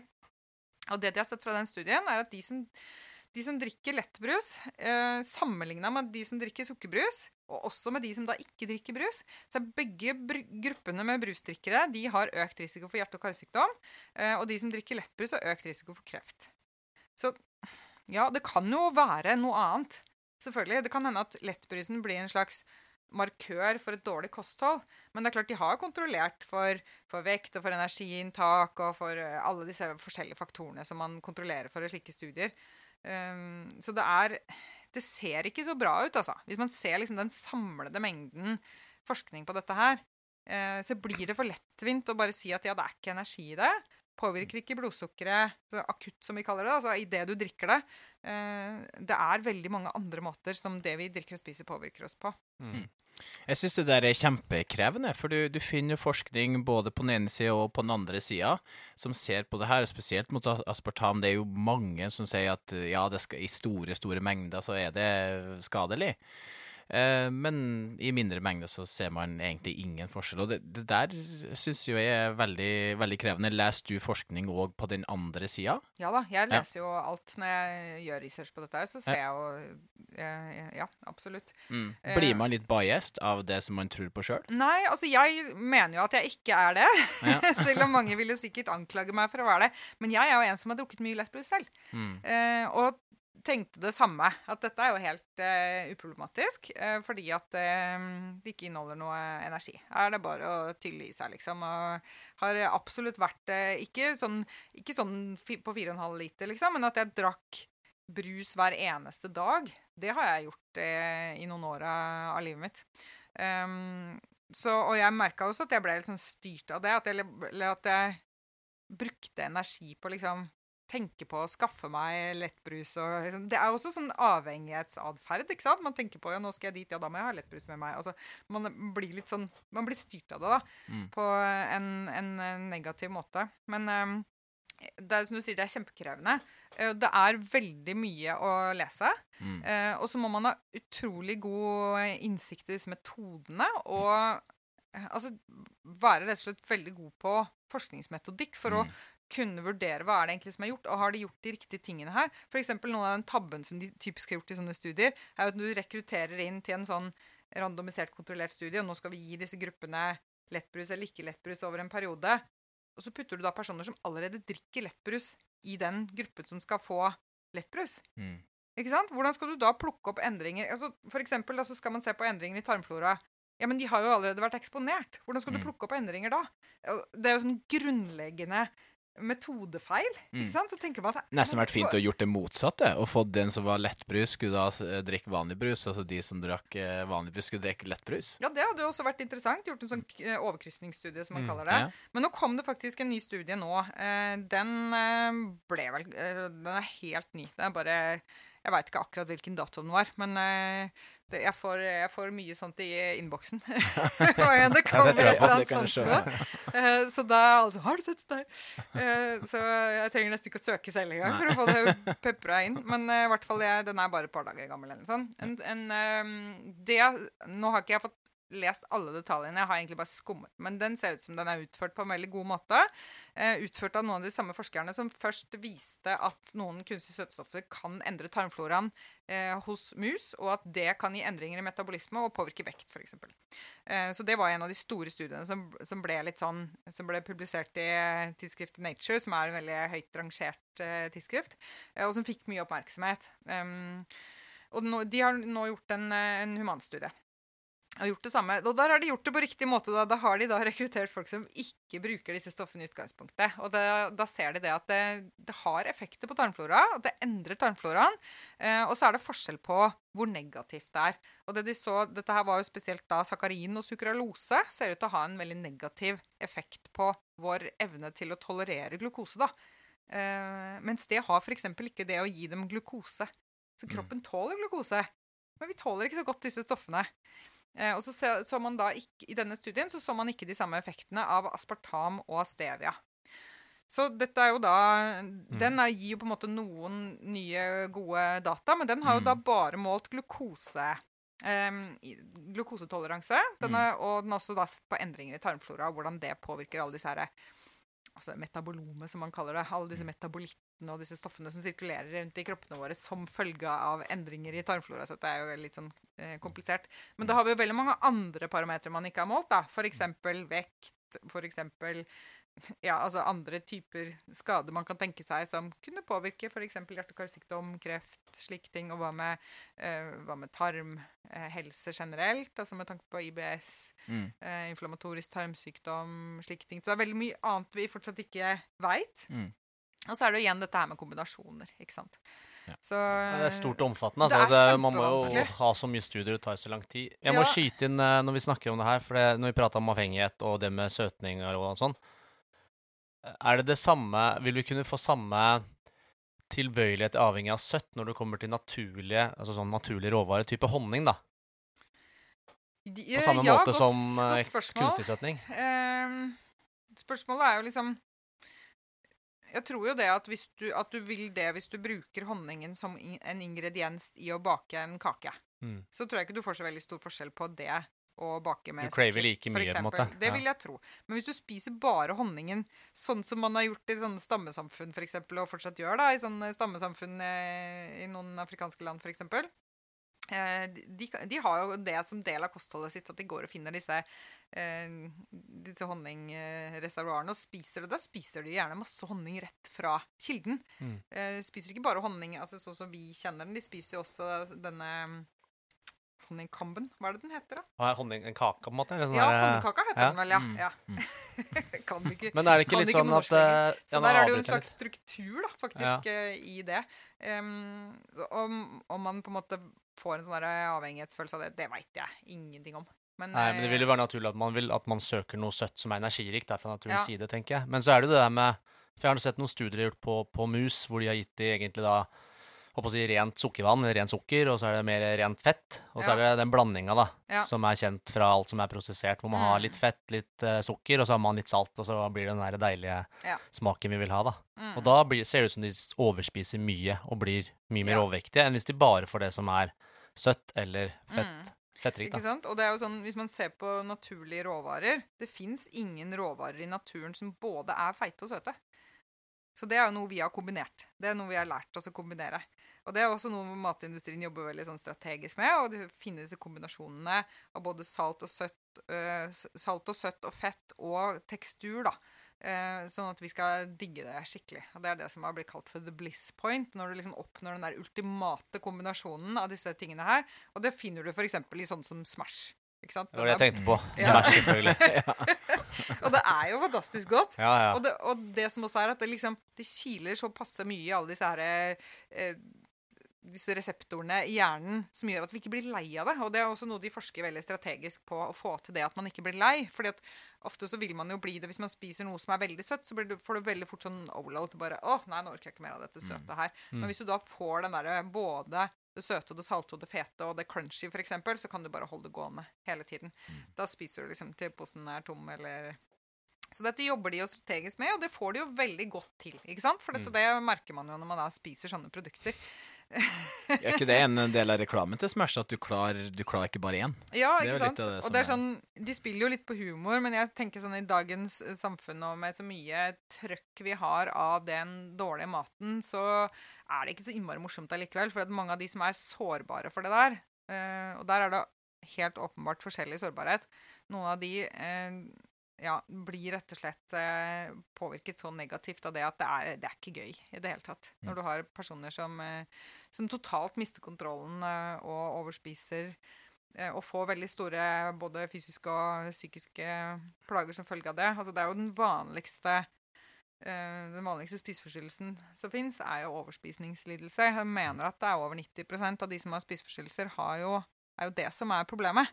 Mm. Eh, og veldig sånn skjult, da. Og veldig sånn skambelagt og sånn, ikke sant. Så at vi på en måte lager litt sånn humor ut av å lage produkter som rett og slett eh, trigger dette her, det er litt sånn problematisk. Jeg syns i hvert fall at sånne produkter burde vært merket med en advarsel. Det burde stått at det er helseskadelig og avhengighetsskapende. Hvorfor skal de ikke gjøre det på samme måte som det står på røyk og Mm. alkohol og sånn?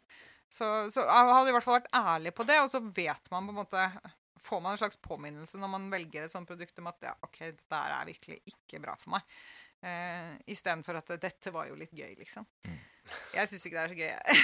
Nei, men det er jo ikke det når man ser sånn på utfordringa på nå Ja, men vi ser problemet vi har da, i samfunnet. Det er et stort samfunnsproblem, og da må Ja. vi jo kalle en spade for en spade òg. Ja. Som du sier, vi tør å si i dag at røyk er skadelig. Mm. Det var sikkert en gang i tida hvor man liksom sa du ikke tar fra meg kosen, liksom. Ja. Det, det ja, absolutt. Og det er lenge, det er jo ikke så lenge siden det heller. Bare tenk på hvordan vi reagerte på den røykeloven når den kom. Eh, og hvordan Høybråten ble seende på Altså hvordan man snakket om han og dette og denne røykeloven. Og for en utrolig overformynderi, liksom. Og jeg tenker at vi trenger, vi trenger noen som gjør dette her nå på de mest eh, helseskadelige ultraprosesserte produktene. At vi Mm. får en sånn type Får en ordentlig merking og en ordentlig beskatning. Og så kan man jo bruke de skattepengene til å subsidiere den sunne maten, som er Mm. råvarene. Og liksom, En du må på en eller? annen måte få hjula til, til å gå riktig retning, da. Mm. Og da trenger vi noen modige politikere. Så vi trenger noen liksom, av Høybråten-kaliber som Mm. kan gjøre en sånn eh, Ta en sånn upopulær avgjørelse som vil være veldig bra for samfunnet på sikt. da. Mm. Det er ingen ja, tvil om at røykeloven har vært kjempebra. For det er jo uansett hvilken bensinstasjon eller kiosk du kommer inn i, så er det jo overflod av sånne produkter, og Ja. veldig lite av egentlig produkter som, som kan gjøre oss uh, godt. Ja, Ja, men, og og du må jo- lete og lete og lete, og Mm. hvis du finner noe, så er det jo så dyrt at det blir jo nesten sånn Skal jeg virkelig betale så mye for en banan når jeg kan få tre boller til samme prisen? Altså, Mm. du, du skal virkelig det, det jobber så innmari mot vår, eh, våre instinkter, da. Mm. Så ja, de gjør det søren ikke lett for oss noe sted, altså. De er blitt veldig gode på proteinsjokolade da, på Ja, bensinstasjonene. Ja. Nå har de begynt å selge det, Ja, men det er proteinsjokolade. Ja. Ja. det er det. Nei, men det er jo et tilbud, liksom plakatene utafor. Det er alltid tilbud på pølse og boller og burger, eller Det er jo aldri Mm. tilbud på en sunn wrap av noe slag. Nei, men det er jo en liksom- grunn til det, og det er jo fordi at det er så stor fortjeneste på disse produktene. Mm. Så da, da kan man eh, legge inn store markedsføringsbudsjetter også for å få folk til å kjøpe mer av dem. Så det er, eh, ja, det er jo et samfunnsproblem, dette her. Den dårlige maten. Det er ikke noen tvil om det. Jeg hadde egentlig tenkt å ta opp litt flere sånne tilsetningsstoffer, men da bruker vi jo hele, hele Ja, det var det. men, eh, ikke sett meg i gang. eh, sånn. nei, men det var ikke det. Ja, men jeg syns det er kjempespennende. Nå vet, nå, meg, nå vet jeg at du og Wolfgang har starta ny business og selger ismaskiner, har jeg hørt. Ja, Vi har en sånn hemmelig eh, sammensvergelse der. Ja, det har, det Vi tjener masse penger på ismaskiner nå. og bakteppet for det er du har snakka litt om litt om isen, hvordan på en måte den har endra seg. Ja. Så jeg har lyst til å ta litt, hvis vi klarer det, ta litt kort om det. Fordi det har sniket seg litt inn i huet mitt, Ja. og jeg merka sånn og Det er sikkert en sånn greie, for jeg syns det er gøy med nye, nye ting, da. Ikke sant? Uh, Har du kjøpt ismaskin? jeg har ikke kjøpt det, men jeg har litt lyst. Ja, det må du gjøre. Men det er mer for jeg har lyst til å prøve å lage det, og så prøve meg fram litt. Men, men det har, du har jo gått litt sånn hardt ut mot isindustrien. Definitivt. Ja. Og der prater du om noen tilsetningsstoffer, og det er jo Hva er det Ja, det er som sånn er, eh, eh, du har pratet om der. Karaginan, ja. og karboksymetylcellulose. Det er liksom Cellulosegummi. cellulose- Cellulosegummi, ja. Ja. Mm, det er liksom de som vi har veldig gode data på at eh, ikke er bra for oss. Igjen så handler det om tarmflora. At de endrer tarmfloraen i en retning som, eh, som aktiverer immunresponser, og som tuller til eh, metabolismen vår, og som kan påvirke vekt og metabolsyndrom og Og hvis vi er inne på følelser, Marit Hvis Ja. du begynner å tukle med folks is, Ja, da tror jeg du skal være litt forsiktig, altså. ja ikke sant? Ja, nei, men jeg har nå påtatt meg denne rollen som som litt sånn eh, mathurpe, ja, så jeg får fortsette, fortsette med det. Nei, jeg lever godt med det, altså. Men det som er gøy, da, eh, er jo at eh, nå skjer det jo faktisk endringer som okay. følge av dette her. Dette økte fokuset, og der er det jo det Mage- og tarmforbundet har vært veldig Det er de som har pusha dette her godt. Jeg har samarbeidet med dem om å gå på på kjedene og på produsentene å få dem til å kutte bruken av de mest problematiske tilsetningsstoffene. Så nå skal jo Nå var det jo artikler i Skal vi se, nå var det så mange forskjellige eh, artikler om dette her i sommer, men jeg lurer på om det var Aftenposten Både Dagsavisen og Aftenposten har vært veldig gode på å løfte dette her i sommer, og på å snakke med produsentene og pushe dem litt på dette her. Og så viser det seg nå at Diplomis de skal prøve å omformulere, som det heter. Eller reformulere og få ut disse stoffene av isen sin i løpet av neste år. Og de har allerede begynt, har jeg sett. Men da må de vel ha noe annet, for hvis jeg forstår det riktig, så dette var konsistensmidler, konsistensmidler, for å ja. holde konsistensen i Mm. isen når man tar ut andre Ja. råvarer, er det ikke det? Ja, og de, det er klart de kommer til å bruke noe annet. Men og, og at de da velger noe som i hvert fall med dagens kunnskapsgrunnlag ser ut som om det ikke er problematisk, det vil jo være bedre. Mm. For de er definitivt problematiske, de stoffene de bruker nå. Altså De fremkaller tarmbetennelse i forsøksdyr. Og den er ganske Altså det er, det er mye forskning som ligger til grunn for det her eh, nå. Så Vi snakker en kroner og øre, gjør vi ikke det, når vi tenker grunnlag til hvorfor de har satt disse stoffene inn Ja. i isen? Ja, ikke sant. Absolutt. Det handler jo da om eh, at man kan spare på, eh, på råvarene. Fordi opprinnelig så var jo is laget av Det kommer du til å finne ut hvis du, lager deg, -hmm. hvis du kjøper deg ismaskin. Så er det fløte, og så er det egg, og så er det sukker, og så er det en eller annen smakstilsetning. F.eks. vanilje, da, hvis du lager vaniljeis. Eller du kan ha sjokoladebiter. Eller, man kan gjøre hva som helst med is. Men tilsette stevia proteinpulver, da, så blir det veldig bra. Så blir det kjempesunt. Og da kommer musklene til å liksom bare Da må du nesten holde igjen, sånn at du ikke får for mye muskelvekst og ikke må kjøpe nye klær og sånn. Men, eh, ja, men i hvert fall, det var jo egentlig opprinnelig eh, oppskrift på is. Man, eller man brukte eggeplomme da, for å kunne blande Altså holde fett- og vannfasene eh, i en stabil blanding. Sånn som man gjør med å lage bearnés, da. Ja, det, ikke sant? det er det samme. Og majones og sånn. Ja. det, vi kaller det jo dette for emulsjoner. Så, så det, det er jo da emulgatorer. Eh, og egg var jo den naturlige emulgatoren i eh, is før. Men egg er jo dyrt, sant? og fløte er jo dyrt. Så hvis man da kan redusere på disse dyre råvarene og bruke noe annet istedenfor, eh, bl.a. ved nye høyteknologiske konsistensmidler, så kan man jo tjene veldig mye penger på veldig lite Putte lite inn og tjene mye. Det er jo god eh, business, det er sant. For da kan man ha vann i isen i stedet for, kan man Ja, ikke ikke sant? Så det som finnes i de dårligste isene nå, da, for det er kvalitetsforskjeller, absolutt. Men i de dårligste isene fra de store produsentene, det som du får billig, så er det jo nå skummamelkpulver, og, og så er det vann, og så er det mye aroma, og så er det disse um, tilsetningsstoffene. Cellulosegummi, karaginan. Um, ja, det er vel uh, også mye sukker, selvfølgelig. Men da har du veldig billige ingredienser. Uh, og så har dette skjedd litt sånn over tid, og så har folk e- egentlig ikke fått med seg den endringen der. Uh, og det er fortsatt noe fløte der, men det er veldig lite i forhold til det det var. Ikke sant? Så, så her har man da fjernet råvare og tilsatt da billige ingredienser for å tjene mer penger. Mm. Så, og det er egentlig litt sånn interessant, fordi at hvis du ser på eh, kriteriene for å bruke tilsetningsstoffer, så står det at det skal være et teknisk behov. Ja, er det egentlig et teknisk behov når du kunne brukt noe annet? Altså, Er det et teknisk behov å øke profitt? Det er jo ikke egentlig det. Så de kan jo si at det er et teknisk behov at vi må ha konsistensmiddel. Ja, men dere kunne hatt et annet konsistensmiddel. Mm. Så den her, ja, jeg syns jo at de er litt sånn ute på en litt uh, problematisk balansegang ved å påstå at det er faktisk et teknisk behov. Og det står jo også at det skal ikke medføre helseskade for forbrukeren. Så mm, ja. Så Har folk begynt å sende deg spesifikke iser og sånn, og spurt om det er greit om jeg spiser den her og sånn, eller? ja, ja, masse. Ja, masse sånt nå hele tiden. Men jeg kan jo ikke svare på det. Altså, det, ja, De innboksene mine er ganske ville. Jeg kan ikke svare på det. Så det, men det skal fjernes nå. Så hvis, man da, hvis det er noen som er opptatt av det da, når de skal kjøpe is i dag, hva er det man skal se etter når man ser bak på ingredienslista på isen? Ja, Da må man jo prøve å finne en is som ligner mest mulig på opprinnelig is. Som eh, har fløte som første ingrediens, og som har eh, gjerne ordentlig eh, vanilje i seg. Gjerne egg. Altså Du finner det fortsatt i eh, disse litt dyrere isene. Sånn Boksis, da, eller? Ha- Hagendas og Møvenpick og sånn, ja. Ja. Mm. Eh, men ellers så fins det noen pinneis som er ålreit også, særlig sånne, mm, sånne fruktvarianter. Eh, Der har det også kommet noen eh, ja, mer sånne sorbet-iser, liksom. Der har de ofte bedre sammensetning nå. Men jeg ser at de, de jobber med å ta ut disse disse tilsetningsstoffene nå. Eh, og blant annet den Litago-isen har jo blitt reformulert allerede. Og det er antageligvis fordi den er retta mot barn. Så da er man litt mer sånn oppmerksom på at OK, kanskje vi skal Mm. fikse den først.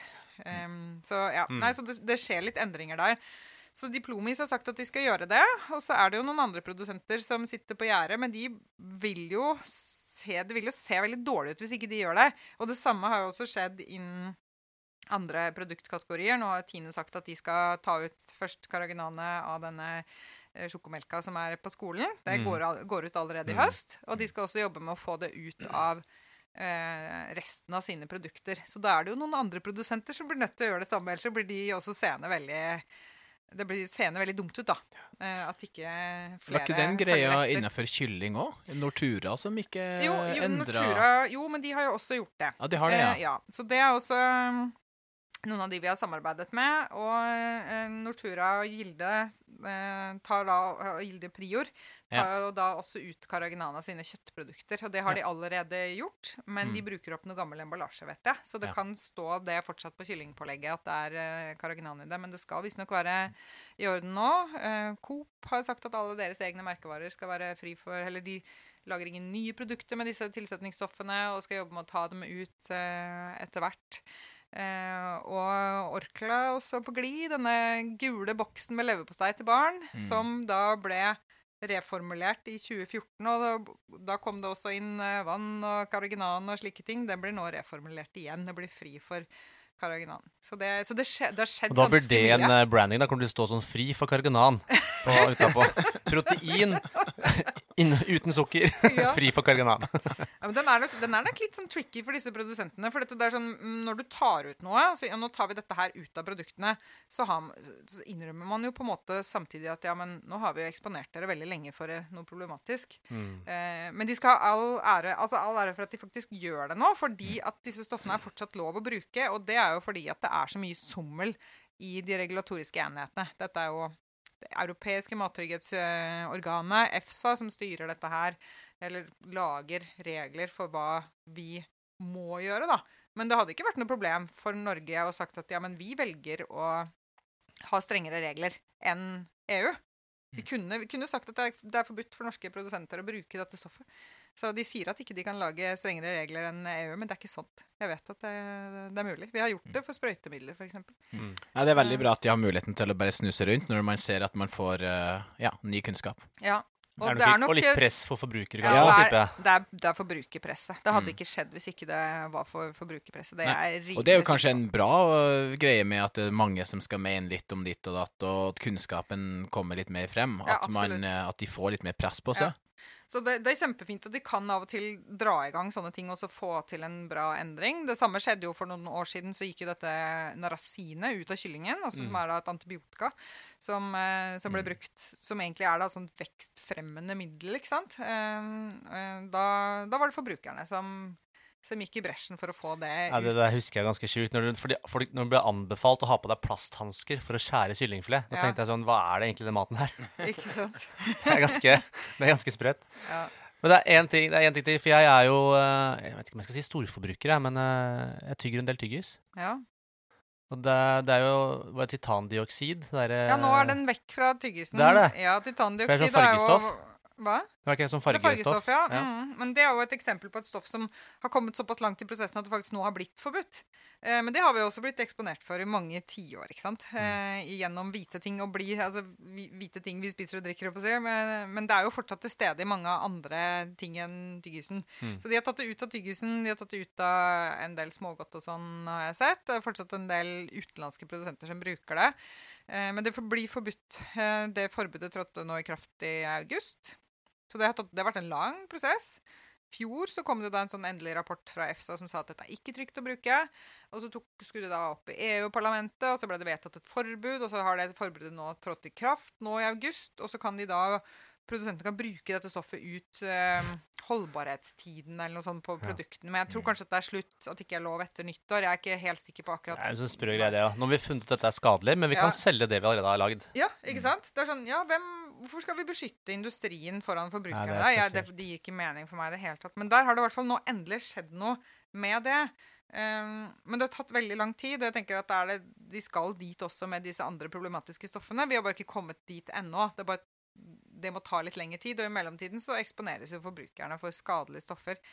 Så det er problematisk. Det som fortsatt er eh, dritt, da, for å si det rett ut, eh, er jo at dette stoffet finnes jo i så mye annet. Det finnes bl.a. i kosttilskudd og medisiner og sånn. For det reguleres av et annet regelverk.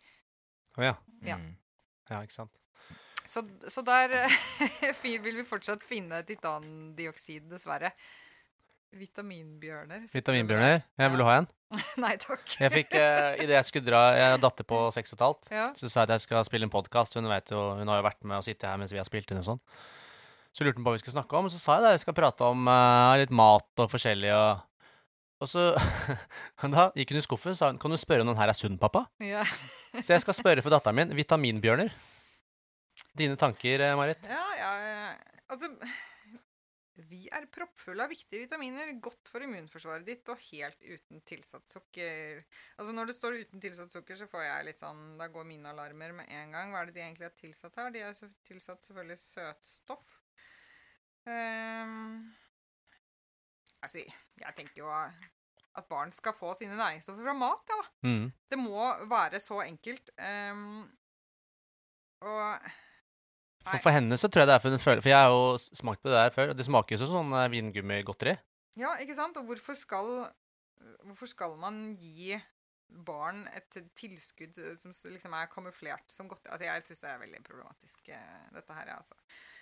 Nei, det, jeg vil ikke si at de er sunne. Jeg vil ikke det. Og det er, altså, det er flere grunner til det. For det første så inneholder det jo da søtstoff. Mm. Jeg syns ikke at barn skal eksponeres for disse søtstoffene i det hele tatt, så lenge det fortsatt er et uh, stort uh, eksperiment. For det andre så har vi bedre av å få næringsstoffene våre gjennom maten. Igjen det vi snakket om i stad. ikke sant? Det er noe annet å få eh, konsentrerte næringsstoffer hvor alt blir frigjort på en gang, enn å få de i en form som gjør at de blir frigjort gjennom hele fordøyelsen, og i et både et tempo og en form som passer med våre opptaksmekanismer. Um, vi ser ikke at det å ta sånne multivitamintilskudd gir noe bedre helse i det hele tatt. Det er egentlig ganske godt dokumentert nå. Hvis man ser, Det kom en sånn kjempefin sånn oversiktsartikkel for et år siden eller noe sånt, som hadde gått gjennom omtrent alt som er av sånn forskjellige typer tilskudd for forskjellige typer helseproblemer. Eh, mye problemer med forskningen. Veldig mye dårlig forskning, altså forskning av dårlig kvalitet. Det var ingen av disse tilskuddene som hadde noen dokumentert effekt på Altså positiv effekt. Det eneste som fantes, var altså god evidens for at Nå husker jeg ikke, hva var det for noe igjen? Det fantes i hvert fall noe god evidens for at kosttilskudd har negativ effekt. Og det er også noe av det vi har sett. Det fins noen studier som viser at f.eks. Eh, B12-tilskudd kan gi økt forekomst av kreft. Det samme med folattilskudd. slike ting. Altså Det fins bedre dokumentasjon for at tilskudd er problematisk, enn at det er bra. Selvfølgelig, altså Det er jo unntak der. Hvis man har en mangeltilstand, så skal man jo korrigere den. Og da må man som oftest ha tilskudd. Men da igjen, etterpå, så må man på en måte introdusere mer av den maten som inneholder det næringsstoffet, sånn at man ikke får den mangeltilstanden på nytt. Eh, men det er, ja, det er ikke noe god evidens for at det å ta sånne multivitaminer sånn forebyggende liksom, i gåseøynene da. Nei, så tror jeg man tar det ofte Man tenker sånn Ja, jeg spiser ikke nok grønnsaker og frukt, så da dytter jeg meg litt tabletter i stedet for. Ja, det blir jo også en veldig sånn, eh, sånn hvilepute som ikke Som man kan stikke hull på. Det er mange som sier det. Jeg tar, jeg tar det for sikkerhets skyld, sier mange. Ja, det er, det er jo den oppfatningen man har. Mm. Eh, og det som også er litt sånn spesielt, er at folk har veldig mye sånn betalingsvilje for sånne ting. Vi betaler mye for tilskudd og har veldig sånn tro på at det er bra for oss. Eh, og har mye mer betalingsvilje for sånt enn for bra mat, da. Ikke sant? Bra råvarer. Vi, vi liker ikke å betale for maten. Men det der greiene der, det kan vi gjerne betale for. Mm. Så ja. Nei, vi kunne jo sittet og prata i lang, lang tid. Jeg ser det begynner å dra seg til her nå. 1 time og 40 minutter. Har det- gått så fort? Ja. Ja. Så jeg tror vi må begynne å runde av. Vi kunne jo invitert henne kanskje på en uh, ny Ja, Marit har episode ikke noe å drive med, så det er helt eh, fint. jeg har nesten ingenting å drive Nei. med. Men, eh, men det er jo mye igjen, da. Så hvis folk har lyst til å på en måte finne ut av mer, så er det jo én ting er jo å lese boka, for der Mm. står det veldig veldig mye bra, og der får du dyptgående kunnskap. Uh, men jeg har litt lyst og Jeg må jo lese opp den sayingen din da, som på en måte du har i boka, for jeg syns den er bra. For det, når man sitter og hører på nå, så blir man jo sånn Når man får informasjon inn, så tenker man OK, ikke kan jeg spise is lenger. Ja. eh, Nå må jeg sjekke det. Og så, eh, hva het det stoffet igjen? Skal jeg prøve å finne ut av for å kutte ut det? Mm. Så jeg tror folk blir rådville, og da, det er gjerne litt da man også kan bli litt sint. Ja, Da kommer den kognitive dissonansen. Ikke, Ikke sant? sant? Man kjenner Ja. litt på at 'Å, jeg burde kanskje gjøre noe med dette her'. Og det, var ikke, det passa meg ikke helt. Det var litt ubehagelig. Ja. Og da, da er det fort gjort å skyte Messenger. Ja, men ikke sant? Og det er det jo er greit. en måte å reagere på. Jo, men det er en måte å reagere på. For du skriver der, så skriver du 'spis hel mat, ikke ultraprosessert, ikke for ofte'. Mm. Det, er så, det er faktisk så Også i parentes helst økologisk. ja. Ja. Så I så, så stor grad som man klarer, da, og Ja. kan prioritere. Mm. Men egentlig det vi snakker om, er jo egentlig det som alle er enige om. Spis så naturlige råvarer du kan, altså så nær den opprinnelige råvaren egentlig er. Mm. Hold deg til Donald-posen på lørdag, Mm. sånn i utgangspunktet. Ja. Og la gjerne magen få litt opphold, sånn at den på en måte får litt hvile og får gjort det den skal med fordøyelsen. Ja. Dette er vel ikke ting som folk er uenige om heller. Uh, altså, Du vil alltid finne noen som er uenig okay, noen, i forskjellige ting. Men altså, hvis man ser på hva ernæringsfolk faktisk anbefaler, stort sett, så er det jo egentlig råvarer. Hvis man ser liksom på Helsedirektoratets kostsirkel og sånn, det er jo hovedsakelig råvarer der. Det er, men problemet er at vi bruker ikke de riktige begrepene. Vi, Mm. vi sier fisk, og så presiserer vi ikke at det er forskjell på fiskefilet og kapteinens fylte laks. Et eller annet som er fritert og Fiskepinner. ikke sant? Og så, sånne ting. Eh, det er forskjell på pommes frites og potet. Mm. Vi må snakke om disse kvalitetsforskjellene der. Og, og det er forskjell på havrefras eller Cheerios og havregryn. Mm. Det er ikke bare fordi at det er, inneholder havre, så er det liksom ikke Det er ikke samme kvalitet. Og Mm. den, det er den kvalitetsforskjellen som mangler når vi formidler eh, dette her om ernæring, da.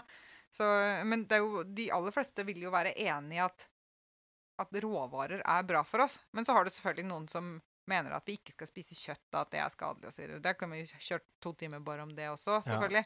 Men, eh, men det er jo absolutt ikke alle som vil være enige om at vi ikke skal spise for ofte. For det er jo fortsatt veldig mange som henger igjen i den gamle oppfatningen om at man skal spise ofte og lite, og det skal man liksom gjøre uansett om det er om du skal kurere IBS, eller om du skal bli tynn, eller om du skal bli stor, eller hva som helst. Liksom Alle skal spise ofte og lite, det er helt åpenbart at vi ikke skal det. Mm. At vi skal spise så få måltider som vi trives med, sier jeg da. Mm. Eh, og så skal vi spise oss ordentlig gode og mette når vi faktisk spiser. Fordi eh, Vi har jo ikke egentlig snakket om det, men det står det masse om i boka. Det går veldig viktige prosesser i kroppen når vi ikke spiser. Dette handler om vedlikehold, reparasjon, eh, slike ting. Som må få lov til å gå for at vi skal holde oss friske. Mm. Mm. Så det er også noe å tenke på når man skal spise før og under og etter trening og sånn, ikke sant? Da får man veldig mange sånne drypp i, ned i fordøyelsen som forstyrrer disse her eh, viktige reparasjons- og vedlikeholdsprosessene. Mm. Kjempebra. Mm. Det er sånn, ja, sånn Ja, det er Du får jo fortsatt full fortsatt Dere har putta penger på meg. ja, Det er helt jeg syns det er nydelig. artig. Jeg Ja, Jeg fikk ikke kaffe, så jeg burde holde det gående. Det er bra, Ja, man kan tenke litt sånn på altså, Hvis du skal reparere Hvis du har sånn litt sånn hullete vei, da.